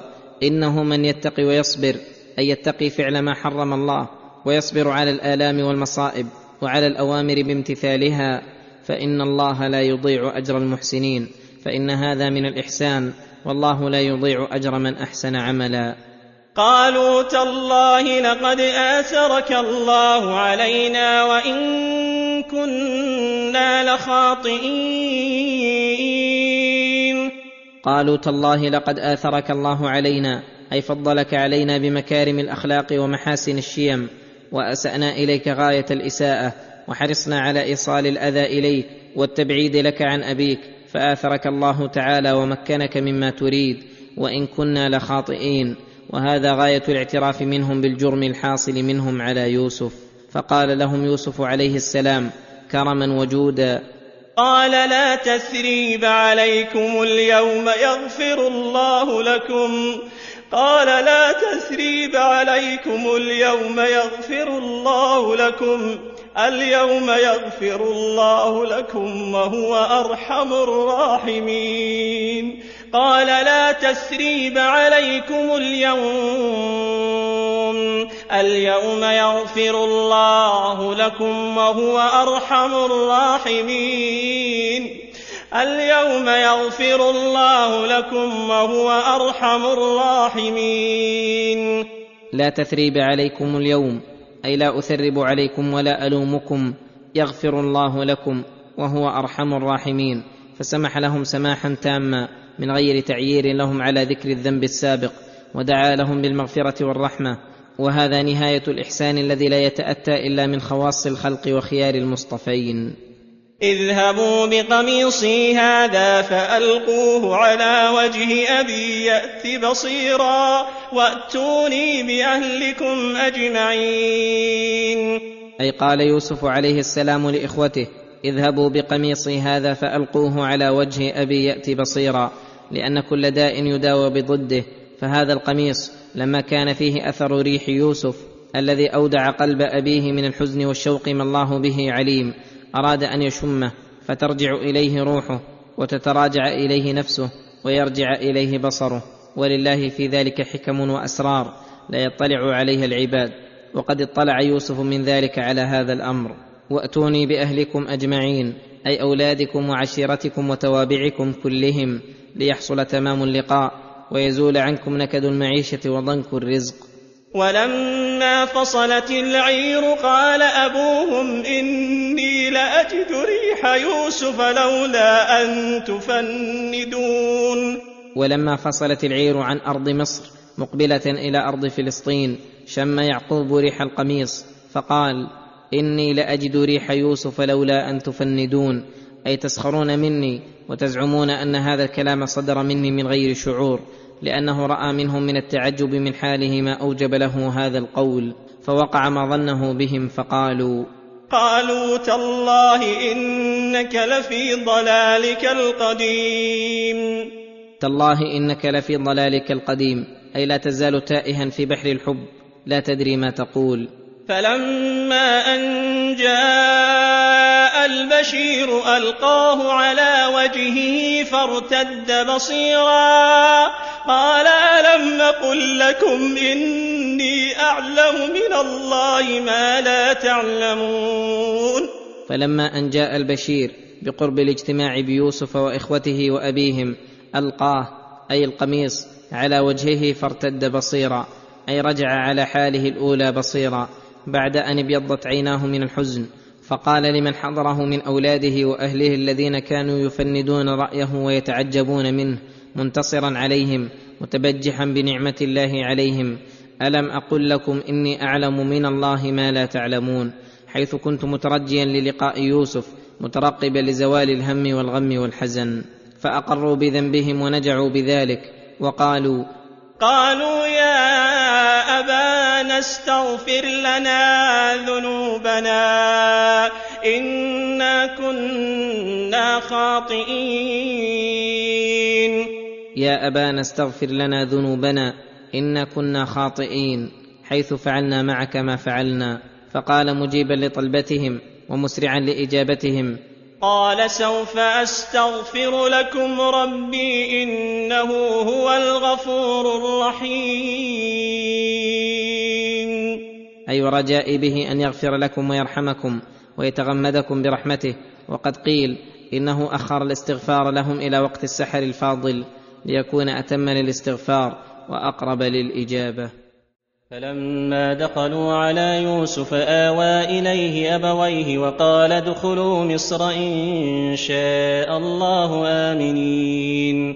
أي فلما تجهز يعقوب وأولاده وأهلهم أجمعون وارتحلوا من بلادهم قاصدين الوصول إلى يوسف في مصر وسكناها فلما وصلوا إليه ودخلوا على يوسف آوى إليه أبويه اي ضمهما إليه واختصهما بقربه وأبدى لهما من البر والإكرام والتبجيل والإعظام شيئا عظيما. وقال لجميع أهله ادخلوا مصر إن شاء الله آمنين من جميع المكاره والمخاوف. فدخلوا في هذه الحال السارة وزال عنهم النصب ونكد المعيشة وحصل السرور والبهجة. ورفع أبويه على العرش وخروا له سجدا. وقال يا أبت هذا تأويل رؤياي من قبل قد جعلها ربي حقا. وقد أحسن بي إذ أخرجني من السجن وجاء بكم من البدو من بعد أن نزغ الشيطان بيني وبين إخوتي. إن ربي لطيف لما يشاء. إنه هو العليم الحكيم. إن ربي لطيف لما يشاء. إنه هو العليم الحكيم. ورفع أبويه على العرش أي على سرير الملك ومجلس العزيز وخروا له سجدا أي أبوه وأمه وإخوته سجودا على وجه التعظيم والتبجيل والإكرام. وقال لما رأى هذه الحال ورأى سجودهم له يا أبت هذا تأويل رؤياي من قبل حين رأى أحد عشر كوكبا والشمس والقمر له ساجدين. فهذا وقوعها الذي آلت إليه ووصلت. قد جعلها ربي حقا فلم يجعلها أضغاث أحلام. وقد أحسن بي إحسانا جسيما إذ أخرجني من السجن وجاء بكم من البدو. وهذا من لطفه وحسن خطابه عليه السلام حيث ذكر حاله في السجن ولم يذكر حاله في الجب لتمام عفوه عن إخوته. وأنه لا يذكر ذلك الذنب وأن إتيانكم من البادية من إحسان الله إلي. فلم يقل جاء بكم من الجوع والنصب ولا قال أحسن بكم بل قال أحسن بي. جعل الإحسان عائدا إليه فتبارك من يختص برحمته من يشاء من عباده ويهب لهم من لدنه رحمة. إنه هو الوهاب. من بعد أن نزغ الشيطان بيني وبين إخوتي فلم يقل نزغ الشيطان إخوتي بل كأن الذنب والجهل صدر من الطرفين. فالحمد لله الذي أخزى الشيطان ودحره. وجمعنا بعد تلك الفرقة الشاقة. إن ربي لطيف لما يشاء يوصل بره وإحسانه إلى العبد من حيث لا يشعر ويوصله إلى المنازل الرفيعة من أمور يكرهها. إنه هو العليم الذي يعلم ظواهر الأمور وبواطنها وسرائر العباد وضمائرهم الحكيم في وضعه الأشياء مواضعها وسوقه الأمور إلى أوقاتها المقدرة لها. رب قد آتيتني من الملك وعلمتني من تأويل الأحاديث وعلمتني من تأويل الأحاديث فاطر السماوات والأرض أنت وليي في الدنيا والآخرة توفني مسلما وألحقني بالصالحين لما أتم الله ليوسف ما أتم من التمكين في الأرض والملك وأقر عينه بأبويه وإخوته وبعد العلم العظيم الذي أعطاه الله إياه قال مقرا بنعمة الله شاكرا لها داعيا بالثبات على الإسلام رب قد آتيتني من الملك وذلك أنه كان على خزائن الأرض وتدبيرها ووزيرا كبيرا للملك. وعلمتني من تأويل الأحاديث أي من تأويل أحاديث الكتب المنزلة وتأويل الرؤيا وغير ذلك من العلم فاطر السماوات والأرض. أنت وليي في الدنيا والآخرة. توفني مسلما. أي أدم علي الإسلام وثبتني عليه حتى توفاني عليه. ولم يكن هذا دعاء باستعجال الموت. وألحقني بالصالحين من الأنبياء الأبرار والأصفياء الأخيار. ذلك من أنباء الغيب نوحيه إليك وما كنت لديهم إذ أجمعوا أمرهم وهم يمكرون. لما قص الله هذه القصة على محمد صلى الله عليه وسلم قال الله له ذلك الأنباء الذي أخبرناك به من أنباء الغيب الذي لولا إيحاؤنا إليك لما وصل إليك هذا الخبر الجليل فإنك لم تكن حاضرا لديهم إذ أجمعوا أمرهم أي إخوة يوسف وهم يمكرون به حين تعاقدوا على التفريق بينه وبين أبيه في حالة لا يطلع عليها إلا الله تعالى. ولا يمكن أحدا أن يصل إلى علمها إلا بتعليم الله له إياها. كما قال تعالى لما قص قصة موسى وما جرى له ذكر الحال التي لا سبيل للخلق إلى علمها إلا بوحيه. وما كنت بجانب الغربي إذ قضينا إلى موسى الأمر وما كنت من الشاهدين الآيات. فهذا أدل دليل على أن ما جاء به رسول الله حقا. وما أكثر الناس ولو حرصت بمؤمنين. يقول تعالى لنبيه محمد صلى الله عليه وسلم وما أكثر الناس ولو حرصت على ايمانهم بمؤمنين فإن مداركهم ومقاصدهم قد أصبحت فاسدة فلا ينفعهم حرص الناصحين عليهم ولو عدمت الموانع بأن كانوا يعلمونهم ويدعونهم إلى ما فيه الخير لهم ودفع الشر عنهم من غير أجر ولا عوض. ولو أقاموا لهم من الشواهد والآيات الدالات على صدقهم ما أقاموا. ولهذا قال وما تسالهم عليه من اجر ان هو الا ذكر للعالمين. ان هو الا ذكر للعالمين يتذكرون به ما ينفعهم ليفعلوه وما يضرهم ليتركوه. وكأي من آية في السماوات والأرض يمرون عليها وهم عنها معرضون. وكأي أي وكم من آية في السماوات والأرض يمرون عليها دالة لهم على توحيد الله وهم عنها معرضون. ومع هذا إن وجد منهم بعض الإيمان. وما يؤمن أكثرهم بالله إلا وهم مشركون. فلا يؤمن أكثرهم بالله إلا وهم مشركون فهم وإن أقروا بربوبية الله تعالى وأنه الخالق الرازق المدبر لجميع الأمور فإنهم يشركون في ألوهية الله وتوحيده فهؤلاء الذين وصلوا إلى هذه الحال لم يبق عليهم إلا أن يحل بهم العذاب ويفجأهم العقاب وهم آمنون ولهذا قال أفأمنوا أن تأتيهم غاشية من عذاب الله أو تأتيهم الساعة بغتة وهم لا يشعرون؟ أفأمنوا أي الفاعلون لتلك الأفعال المعرضون عن آيات الله أن تأتيهم غاشية من عذاب الله أي عذاب يغشاهم ويعمهم ويستأصلهم. أو تأتيهم الساعة بغتة وهم لا يشعرون. أو تأتيهم الساعة بغتة أي فجأة وهم لا يشعرون أي فإنهم قد استوجبوا لذلك فليتوبوا إلى الله ويتركوا ما يكون سببا في عقابهم. قل هذه سبيلي أدعو إلى الله على بصيرة أنا ومن اتبعني وسبحان الله وما أنا من المشركين. يقول تعالى لنبيه محمد صلى الله عليه وسلم قل للناس هذه سبيلي أي طريقي التي أدعو إليها وهي السبيل الموصلة إلى الله وإلى دار كرامته المتضمنة للعلم بالحق والعمل به وإيثاره وإخلاص الدين لله وحده لا شريك له. أدعو إلى الله أي أحث الخلق والعباد إلى الوصول إلى ربهم وأرغبهم في ذلك وأرهبهم مما يبعدهم عنه. ومع هذا فأنا على بصيرة من ديني أي على علم ويقين من غير شك ولا امتراء ولا مرية. وكذلك من اتبعني يدعو إلى الله كما أدعو على بصيرة من أمره.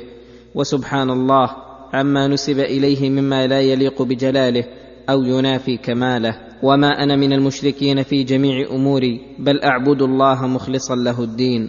ثم قال تعالى وما أرسلنا من قبلك إلا رجالا نوحي إليهم من أهل القرى. أفلم يسيروا في الأرض فينظروا كيف كان عاقبة الذين من قبلهم ولدار الآخرة خير للذين اتقوا أفلا تعقلون وما ارسلنا من قبلك الا رجالا اي لم نرسل ملائكه ولا غيرهم من اصناف الخلق فلاي شيء يستغرب قومك رسالتك ويزعمون انه ليس لك فضل عليهم فلك في من قبلك من المرسلين أسوة حسنة. نوحي إليهم من أهل القرى أي لا من البادية بل من أهل القرى الذين هم أكمل عقولا وأصح آراء وليتبين أمرهم ويتضح شأنهم. أفلم يسيروا في الأرض؟ إذا لم يصدقوا لقولك فينظروا كيف كان عاقبة الذين من قبلهم كيف أهلكهم الله بتكذيبهم. فاحذروا أن تقيموا على ما أقاموا عليه فيصيبكم ما أصابهم. ولدار الآخرة خير للذين اتقوا. ولدار الاخره أي الجنة وما فيها من النعيم المقيم خير للذين اتقوا الله في امتثال أوامره واجتناب نواهيه. فإن نعيم الدنيا منغص منكد منقطع ونعيم الآخرة تام كامل لا يفنى أبدا بل هو على الدوام في تزايد وتواصل عطاء غير مجذوذ. أفلا تعقلون؟ أفلا تعقلون؟ أي أفلا تكون لكم عقول تؤثر الذي هو خير على الأدنى؟ حتى إذا استيأس الرسل وظنوا أنهم قد كذبوا جاءهم نصرنا جاءهم نصرنا فنجي من نشاء ولا يرد بأسنا عن القوم المجرمين. يخبر تعالى أنه يرسل الرسل الكرام فيكذبهم القوم المجرمون اللئام وأن الله تعالى يمهلهم ليرجعوا إلى الحق ولا يزال الله يمهلهم حتى إنه تصل الحال إلى غاية الشدة منهم على الرسل حتى إن الرسل على كمال يقينهم وشدة تصديقهم بوعد الله ووعيده ربما أنه يخطر بقلوبهم نوع من الإياس ونوع من ضعف العلم والتصديق فإذا بلغ الأمر هذه الحال جاءهم نصرنا فنجي من نشاء وهم الرسل وأتباعهم ولا يرد بأسنا عن القوم المجرمين. أي ولا يرد عذابنا عمن اجترم وتجرأ على الله فما لهم من قوة ولا ناصر. لقد كان في قصصهم عبرة لأولي الألباب. ما كان حديثا يفترى ولكن تصديق الذي بين يديه وتفصيل كل شيء. وتفصيل كل شيء وهدى ورحمة لقوم يؤمنون.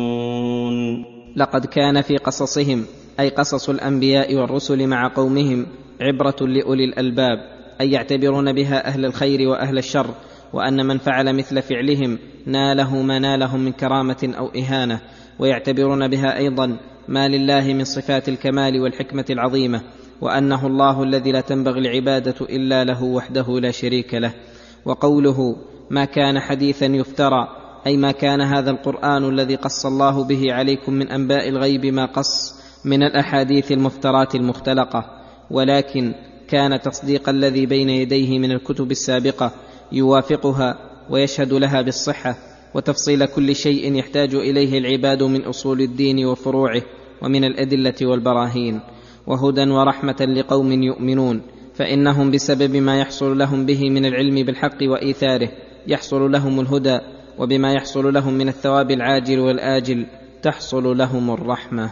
فصل في ذكر شيء من العبر والفوائد التي اشتملت عليها هذه القصة العظيمة التي قال الله في أولها نحن نقص عليك أحسن القصص وقال لقد كان في يوسف وإخوته آيات للسائلين وقال في آخرها لقد كان في قصصهم عبرة لأولي الألباب غير ما تقدم في مطاويها من الفوائد. فمن ذلك أن هذه القصة من أحسن القصص وأوضحها وأبينها لما فيها من أنواع التنقلات من حال إلى حال ومن محنة إلى محنة ومن محنة إلى منحة ومنة ومن ذل إلى عز ومن رق إلى ملك ومن فرقة وشتات إلى اجتماع وائتلاف ومن حزن إلى سرور ومن رخاء إلى جدب ومن جدب إلى رخاء. ومن ضيق إلى سعة ومن إنكار إلى إقرار فتبارك من قصها فأحسنها ووضحها وبينها. ومنها أن فيها أصلا لتعبير الرؤيا وأن علم التعبير من العلوم المهمة التي يعطيها الله من يشاء من عباده. وإن أغلب ما تبنى عليه المناسبة والمشابهة في الاسم والصفة فإن رؤيا يوسف التي رأى أن الشمس والقمر وأحد عشر كوكبا له ساجدين.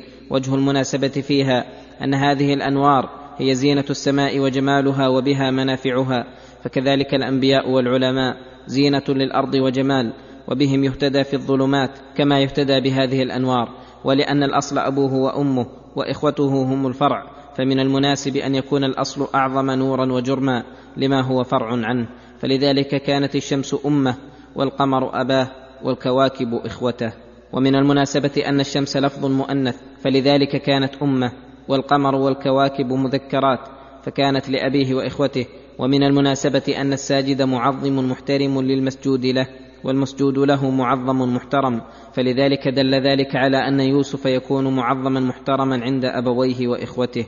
ومن لازم ذلك أن يكون مجتبا مفضلا في العلم والفضائل الموجبة لذلك ولذلك قال أبوه وكذلك يجتبيك ربك ويعلمك من تأويل الأحاديث. ومن المناسبة في رؤيا الفتيين أنه أول رؤيا الذي رأى أنه يعصر خمرا أن الذي يعصر في العادة يكون خادما لغيره والعصر يقصد لغيره فلذلك أوله بما يؤول إليه أنه يسقي ربه وذلك متضمن لخروجه من السجن.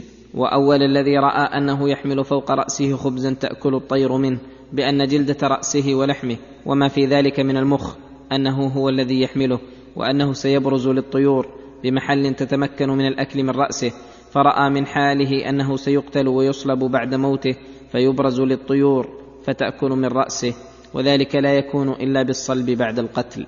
وأول رؤيا الملك للبقرات والسنبلات بالسنين المخصبة والسنين المجدبة ووجه المناسبة أن الملك به ترتبط أحوال الرعية ومصالحها وبصلاحه تصلح وبفساده تفسد.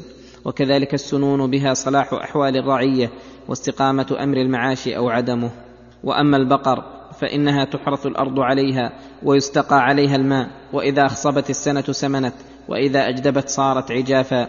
وكذلك السنابل في الخصب تكثر وتخضر وفي الجدب تقل وتيبس وهي أفضل غلال الأرض. ومنها ما فيها من الأدلة على صحة نبوة محمد صلى الله عليه وسلم حيث قص على قومه هذه القصة الطويلة وهو لم يقرأ كتب الأولين ولا دارس أحدا. يراه قومه بين أظهرهم صباحا ومساء وهو أمي لا يخط ولا يقرأ وهي موافقة لما في الكتب السابقة وما كان لديهم إذ أجمعوا أمرهم وهم يمكرون. ومنها أنه ينبغي البعد عن أسباب الشر وكتمان ما تخشى مضرته لقول يعقوب ليوسف يا بني لا تقصص رؤياك على إخوتك فيكيدوا لك كيدا. ومنها أنه يجوز ذكر الإنسان بما يكره على وجه النصيحة لغيره لقوله فيكيدوا لك كيدا. ومنها أن نعمة الله على العبد نعمة على من يتعلق به من أهل بيته وأقاربه وأصحابه وأنه ربما شملتهم. وحصل لهم ما حصل له بسببه كما قال يعقوب في تفسيره لرؤيا يوسف وكذلك يجتبيك ربك ويعلمك من تأويل الأحاديث ويتم نعمته عليك وعلى آل يعقوب. ولما تمت النعمة على يوسف حصل لآل يعقوب من العز والتمكين في الأرض والسرور والغبطة ما حصل بسبب يوسف. ومنها أن العدل مطلوب في كل الأمور لا في معاملة السلطان رعيته ولا فيما دونه. حتى في معاملة الوالد لأولاده في المحبة والإيثار وغيره وأن في الإخلال بذلك يختل عليه الأمر وتفسد الأحوال. ولهذا لما قدم يعقوب يوسف في المحبة وآثره على إخوته جرى منهم ما جرى على أنفسهم وعلى أبيهم وأخيهم. ومنها الحذر من شؤم الذنوب وأن الذنب الواحد يستتبع ذنوبا متعددة ولا يتم لفاعله إلا بعدة جرائم. فإخوة يوسف لما أرادوا التفريق بينه وبين أبيه احتالوا لذلك بأنواع من الحيل وكذبوا عدة مرات وزوروا على أبيهم في القميص والدم الذي فيه وفي إتيانهم عشاء يبكون. ولا تستبعد أنه قد كثر البحث فيها في تلك المدة بل لعل ذلك اتصل إلى أن اجتمعوا بيوسف وكلما صار البحث حصل من الإخبار بالكذب والافتراء ما حصل. وهذا شؤم الذنب وآثاره التابعة والسابقة واللاحقة. ومنها أن العبرة في حال العبد بكمال النهاية لا بنقص البداية فإن أولاد يعقوب عليه السلام جرى منهم ما جرى في أول الأمر مما هو أكبر أسباب النقص واللوم ثم انتهى أمرهم إلى التوبة النصوح والسماح التام من يوسف ومن أبيهم والدعاء لهم بالمغفرة والرحمة وإذا سمح العبد عن حقه فالله خير الراحمين. ولهذا في أصح الأقوال أنهم كانوا أنبياء لقوله تعالى وأوحينا إلى إبراهيم وإسماعيل وإسحاق ويعقوب والأسباط وهم أولاد يعقوب الاثنا عشر وذريتهم. ومما يدل على ذلك أن في رؤيا يوسف أنه رآهم كواكب نيرة والكواكب فيها النور والهداية الذي من صفات الأنبياء. فإن لم يكونوا أنبياء فإنهم علماء هداه. ومنها ما من الله به على يوسف عليه الصلاة والسلام من العلم والحلم ومكارم الأخلاق والدعوة إلى الله وإلى دينه وعفوه عن إخوانه الخاطئين عفوا بادرهم به. وتمم ذلك بأنه لا يثرب عليهم ولا يعيرهم به. ثم بره العظيم بأبويه وإحسانه لإخوته بل لعموم الخلق. ومنها أن بعض الشر أهون من بعض وارتكاب أخف الضررين أولى من ارتكاب أعظمهما. فإن إخوة يوسف لما اتفقوا على قتل يوسف أو إلقائه أرضا وقال قائل منهم لا تقتلوا يوسف وألقوه في غيابة الجب. كان قوله أحسن منهم وأخف. وبسببه خف عن إخوته الإثم الكبير ومنها أن الشيء إذا تداولته الأيدي وصار من جملة الأموال ولم يعلم أنه كان على غير وجه الشرع أنه لا إثم على من باشره ببيع أو شراء أو خدمة أو انتفاع أو استعمال فإن يوسف عليه السلام باعه إخوته بيعا حراما لا يجوز ثم ذهبت به السيارة إلى مصر فباعوه بها وبقي عند سيده غلاما رقيقا وسماه الله شراء. وكان عندهم بمنزلة الغلام الرقيق المكرم. ومنها الحذر من الخلوة بالنساء التي يخشى منهن الفتنة والحذر أيضا من المحبة التي يخشى ضررها فإن امرأة العزيز جرى منها ما جرى بسبب توحدها بيوسف وحبها الشديد له الذي ما تركها حتى راودته تلك المراودة ثم كذبت عليه فسجن بسببها مدة طويلة. ومنها أن الهم الذي هم به يوسف بالمرأة ثم تركه لله مما يقربه إلى الله زلفى لأن الهم داع من دواعي النفس الأمارة بالسوء وهو طبيعة لأغلب الخلق. فلما قابل بينه وبين محبة الله وخشيته غلبت محبة الله وخشيته داعي النفس والهوى. فكان ممن خاف مقام ربه ونهى النفس عن الهوى. ومن السبعة الذين يظلهم الله في ظل عرشه يوم لا ظل إلا ظله. أحدهم رجل دعته امرأة ذات منصب وجمال فقال إني أخاف الله. وإنما الهم الذي يلام عليه العبد الهم الذي يساكنه ويصير عزما ربما اقترن به الفعل. ومنها أن من دخل الإيمان قلبه وكان مخلصا لله في جميع أموره فإن الله يدفع عنه ببرهان إيمانه وصدق إخلاصه من أنواع السوء والفحشاء وأسباب المعاصي ما هو جزاء لإيمانه وإخلاصه لقوله وهم بها لولا أن رأى برهان ربه كذلك لنصرف عنه السوء والفحشاء إنه من عبادنا المخلصين. على قراءة من قرأها بكسر اللام ومن قرأها بالفتح فإنه من إخلاص الله إياه وهو متضمن لإخلاصه هو بنفسه. فلما أخلص عمله لله أخلصه الله وخلصه من السوء والفحشاء. ومنها أنه ينبغي للعبد إذا رأى محلا فيه فتنة وأسباب معصية أن يفر منه ويهرب غاية ما يمكنه ليتمكن من التخلص من المعصية. لأن يوسف عليه السلام لما راودته التي هو في بيتها فر هاربا يطلب الباب ليتخلص من شرها ومنها أن القرائن يعمل بها عند الاشتباه فلو تخاصم رجل وامرأته في شيء من اواني الدار فما يصلح للرجل فإنه للرجل وما يصلح للمرأة فهو لها إذا لم يكن بينة. وكذا لو تنازع نجار وحداد في آلة حرفتهما من غير بينة والعمل بالقافة في الأشباه والأثر من هذا الباب. فإن شاهد يوسف شهد بالقرينة وحكم بها في قد القميص واستدل بقده من دبره على صدق يوسف وكذبها. ومما يدل على هذه القاعدة أنه استدل بوجود الصواع في رحل أخيه على الحكم عليه بالسرقة من غير بينة شهادة ولا إقرار. فعلى هذا إذا وجد المسروق في يد السارق خصوصا إذا كان معروفا بالسرقة فإنه يحكم عليه بالسرقة وهذا أبلغ من الشهادة. وكذلك وجود الرجل يتقيأ الخمر أو وجود المرأة التي لا زوج لها ولا سيد حاملا فإنه يقام بذلك الحد ما لم يقم مانع منه.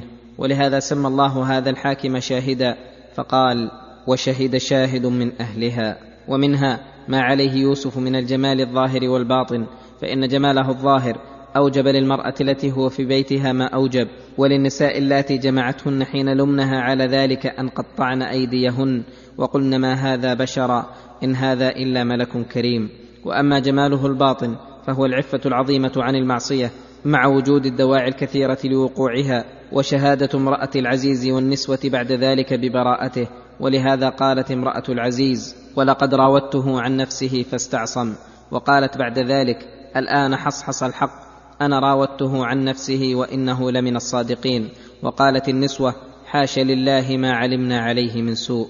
ومنها أن يوسف عليه السلام اختار السجن على المعصية فهكذا ينبغي للعبد إذا ابتلي بين أمرين إما فعل معصية وإما عقوبة دنيوية أن يختار العقوبة الدنيوية على مواقعة الذنب الموجب للعقوبة الشديدة في الدنيا والآخرة. ولهذا من علامات الإيمان أن يكره العبد أن يعود في الكفر بعد إذ أنقذه الله منه كما يكره أن يلقى في النار. ومنها أنه ينبغي للعبد أن يلتجئ إلى الله ويحتمي بحماه عند وجود أسباب المعصية ويتبرأ من حوله وقوته لقول يوسف عليه السلام وإلا تصرف عني كيدهن أصب إليهن وأكن من الجاهلين. ومنها أن العلم والعقل يدعوان صاحبهما إلى الخير وينهيانه عن الشر وأن الجهل يدعو صاحبه إلى موافقة هوى النفس وإن كان معصية ضارا لصاحبه. ومنها أنه كما على العبد عبودية لله في الرخاء فعليه عبودية في الشدة فيوسف عليه السلام لم يزل يدعو إلى الله فلما دخل السجن استمر على ذلك ودعا الفتيين إلى التوحيد ونهاهما عن الشرك ومن فطنته عليه السلام أنه لما رأى فيهما قابلية لدعوته حيث ظن فيه الظن الحسن وقال له إنا نراك من المحسنين وآتياه لأن يعبر لهما رؤياهما فرآهما متشوفين لتعبيرها عنده رأى ذلك فرصة فانتهزها فدعاهما إلى الله تعالى قبل أن يعبر رؤياهما ليكون أنجح لمقصوده وأقرب لحصول مطلوبه وبين لهما اولا أن الذي أوصله إلى الحال التي رأياه فيها من الكمال والعلم إيمانه وتوحيده وتركه ملة من لا يؤمن بالله واليوم الآخر وهذا دعاء لهما بالحال ثم دعاهما بالمقال وبين فساد الشرك وبرهن عليه وحقيقة التوحيد وبرهن عليه. ومنها أنه يبدأ بالأهم فالاهم وأنه إذا سئل المفتي وكان السائل حاجته في غير سؤاله أشد أنه ينبغي له أن يعلمه ما يحتاج إليه قبل أن يجيب سؤاله. فإن هذا علامة على نصح المعلم وفطنته وحسن إرشاده وتعليمه. فإن يوسف لما سأله الفتيان عن الرؤيا قدم لهما قبل تعبيرهما دعوتهما إلى الله وحده لا شريك له. ومنها أن من وقع في مكروه وشدة لا بأس أن يستعين بمن له قدرة على تخليصه أو الإخبار بحاله وأن هذا لا يكون شكوى للمخلوق فإن هذا من الأمور العادية التي جرى العرف باستعانة الناس بعضهم ببعض. ولهذا قال يوسف للذي ظن أنه ناج من الفتيين اذكرني عند ربك ومنها أنه ينبغي ويتأكد على المعلم استعمال الإخلاص التام في تعليمه والا يجعل تعليمه وسيلة لمعاوضة أحد في مال أو جاه أو نفع. والا يمتنع من التعليم أو لا ينصح فيه إذا لم يفعل السائل ما كلفه به المعلم. فإن يوسف عليه السلام قد قال ووصى أحد الفتيين أن يذكره عند ربه فلم يذكره ونسي. فلما بدت حاجتهم إلى سؤال يوسف أرسلوا ذلك الفتى وجاءه سائلا مستفتيا عن تلك الرؤيا فلم يعنفه يوسف ولا وبخه لتركه ذكره بل أجابه عن سؤاله جوابا تاما من كل وجه. ومنها أنه ينبغي للمسؤول أن يدل السائل على أمر ينفعه مما يتعلق بسؤاله ويرشده إلى الطريق التي ينتفع بها في دينه ودنياه فإن هذا من كمال نصحه وفطنته وحسن إرشاده. فإن يوسف عليه السلام لم يقتصر على تعبير رؤيا الملك بل دلهم مع ذلك على ما يصنعون في تلك السنين المخصبات من كثرة الزرع وكثرة جبايته. ومنها أنه لا يلام الإنسان على السعي في دفع التهمة عن نفسه وطلب البراءة لها بل يحمد على ذلك كما امتنع يوسف عن الخروج من السجن حتى تتبين لهم براءته بحال النسوة اللاتي قطعن أيديهن. ومنها فضيلة العلم علم الأحكام والشرع وعلم تعبير الرؤيا وعلم التدبير والتربية وأنه أفضل من الصورة الظاهرة. ولو بلغت في الحسن جمال يوسف فإن يوسف بسبب جماله حصلت له تلك المحنة والسجن وبسبب علمه حصل له العز والرفعة والتمكين في الأرض. فإن كل خير في الدنيا والآخرة من آثار العلم وموجباته ومنها أن علم التعبير من العلوم الشرعية وأنه يثاب الإنسان على تعلمه وتعليمه وأن تعبير المراء داخل في الفتوى لقوله للفتيين قضي الأمر الذي فيه تستفتيان وقال الملك أفتوني في رؤياي وقال الفتى ليوسف أفتنا في سبع بقرات فلا يجوز الإقدام على تعبير الرؤيا من غير علم. ومنها أنه لا بأس أن يخبر الإنسان عما في نفسه من صفات الكمال من علم أو عمل إذا كان في ذلك مصلحة ولم يقصد به العبد الرياء وسلم من الكذب لقول يوسف اجعلني على خزائن الأرض إني حفيظ عليم. وكذلك لا تذم الولاية إذا كان المتولي فيها يقوم بما يقدر عليه من حقوق الله وحقوق عباده وأنه لا بأس بطلبها إذا كان أعظم كفاءة من غيره وإنما الذي يذم إذا لم يكن فيه كفاية. أو كان موجودا غيره مثله أو أعلى منه أو لم يرد بها إقامة أمر الله فبهذه الأمور ينهى عن طلبها والتعرض لها. ومنها أن الله واسع الجود والكرم يجود على عبده بخير الدنيا والآخرة وأن خير الآخرة له سببان الإيمان والتقوى وأنه خير من ثواب الدنيا وملكها وأن العبد ينبغي له أن يدعو نفسه ويشوقها لثواب الله ولا يدعها تحزن إذا رأت أهل الدنيا ولذاتها. وهي غير قادرة عليها بل يسليها بثواب الله الأخروي وفضله العظيم لقوله تعالى ولاجر الآخرة خير للذين آمنوا وكانوا يتقون ومنها أن جباية الأرزاق إذا أريد بها التوسعة على الناس من غير ضرر يلحقهم لا بأس بها لأن يوسف أمرهم بجباية الأرزاق والأطعمة في السنين المخصبات للاستعداد للسنين المجدبة وأن هذا غير مناقض للتوكل على الله بل يتوكل العبد على الله ويعمل بالأسباب التي تنفعه في دينه ودنياه. ومنها حسن تدبير يوسف لما تولى خزائن الأرض حتى كثرت عندهم الغلات جدا حتى صار أهل الأقطار يقصدون مصر لطلب الميرة منها لعلمهم بوفورها فيها وحتى إنه كان لا يكيل لأحد إلا مقدار الحاجة الخاصة أو أقل لا يزيد كل قادم على كيل بعير وحمله. ومنها مشروعية الضيافة وأنها من سنن المرسلين وإكرام الضيف لقول يوسف لإخوته ألا ترون أني أوفي الكيل وأنا خير المنزلين؟ ومنها أن سوء الظن مع وجود القرائن الدالة عليه غير ممنوع ولا محرم فإن يعقوب قال لأولاده بعدما امتنع من إرسال يوسف معهم حتى عالجوه أشد المعالجة ثم قال لهم بعدما أتوه وزعموا أن الذئب أكله بل سولت لكم أنفسكم أمرا وقال لهم في الأخ الآخر هل آمنكم عليه إلا كما أمنتكم على أخيه من قبل؟ ثم لما احتبسه يوسف عنده وجاء إخوته لأبيهم قال لهم بل سولت لكم أنفسكم أمرا فهم في الأخيرة وإن لم يكونوا مفرطين فقد جرى منهم ما أوجب لأبيهم أن قال ما قال من غير إثم عليه ولا حرج ومنها أن استعمال الأسباب الدافعة للعين أو غيرها من المكاره أو الرافعه لها بعد نزولها غير ممنوع بل جائز. وإن كان لا يقع شيء إلا بقضاء وقدر فإن الأسباب أيضا من القضاء والقدر. لأمر يعقوب حيث قال لبنيه يا بني لا تدخلوا من باب واحد وادخلوا من أبواب متفرقة.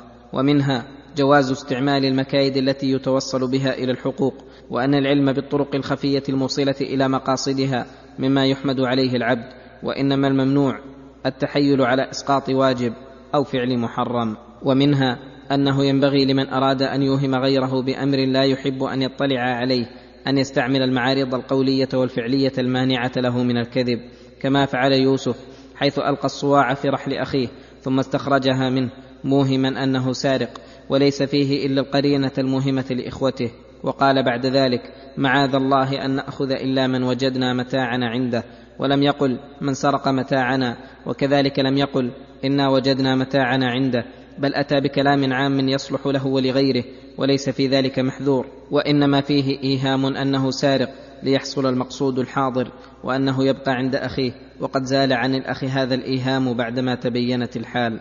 ومنها أنه لا يجوز للإنسان أن يشهد إلا بما علمه وتحققه إما بمشاهدة أو خبر من يثق به وتطمئن إليه النفس لقولهم وما شهدنا إلا بما علمنا. ومنها هذه المحنة العظيمة التي امتحن الله بها نبيه وصفيه يعقوب عليه السلام حيث قضى بالتفريق بينه وبين ابنه يوسف الذي لا يقدر على فراقه ساعة واحدة ويحزنه ذلك أشد الحزن.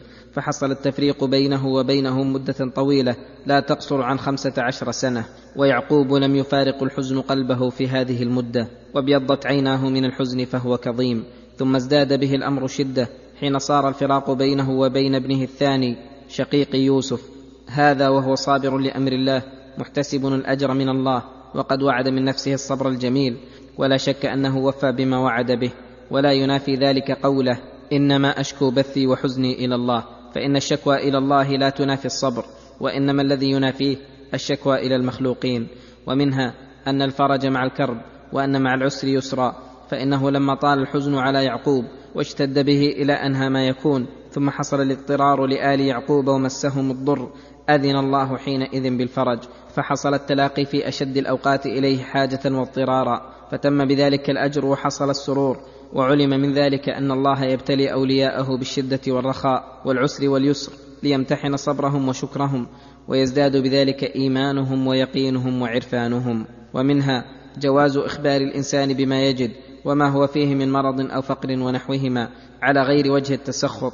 لأن إخوة يوسف قالوا يا أيها العزيز مسنا وأهلنا الضر ولم ينكر عليهم يوسف ومنها فضيلة التقوى والصبر وأن كل خير في الدنيا والآخرة فمن آثار التقوى والصبر وأن عاقبة أهلهما أحسن العواقب لقوله قد من الله علينا إنه من يتقي ويصبر فإن الله لا يضيع أجر المحسنين ومنها أنه ينبغي لمن أنعم الله عليه بنعمة بعد شدة وفقر وسوء حال أن يعترف بنعمة الله عليه ولا يزال ذاكرا حاله الأولى ليحدث لذلك شكرا كلما ذكرها لقول يوسف عليه السلام وقد أحسن بي إذ أخرجني من السجن وجاء بكم من البدو ومنها لطف الله العظيم بيوسف حيث نقله في تلك الأحوال وأوصل إليه الشدائد والمحن ليوصله بها إلى أعلى الغايات ورفيع الدرجات ومنها أنه ينبغي للعبد أن يتملق إلى الله دائما في تثبيت إيمانه ويعمل الأسباب الموجبة لذلك ويسأل الله حسن الخاتمة وتمام النعمة. لقول يوسف عليه الصلاة والسلام رب قد آتيتني من الملك وعلمتني من تأويل الأحاديث فاطر السماوات والأرض أنت وليي في الدنيا والآخرة توفني مسلما وألحقني بالصالحين. فهذا ما يسر الله من الفوائد والعبر في هذه القصة المباركة ولا بد أن يظهر للمتدبر المتفكر غير ذلك فنسأله تعالى علما نافعا وعملا متقبلا إنه جواد كريم.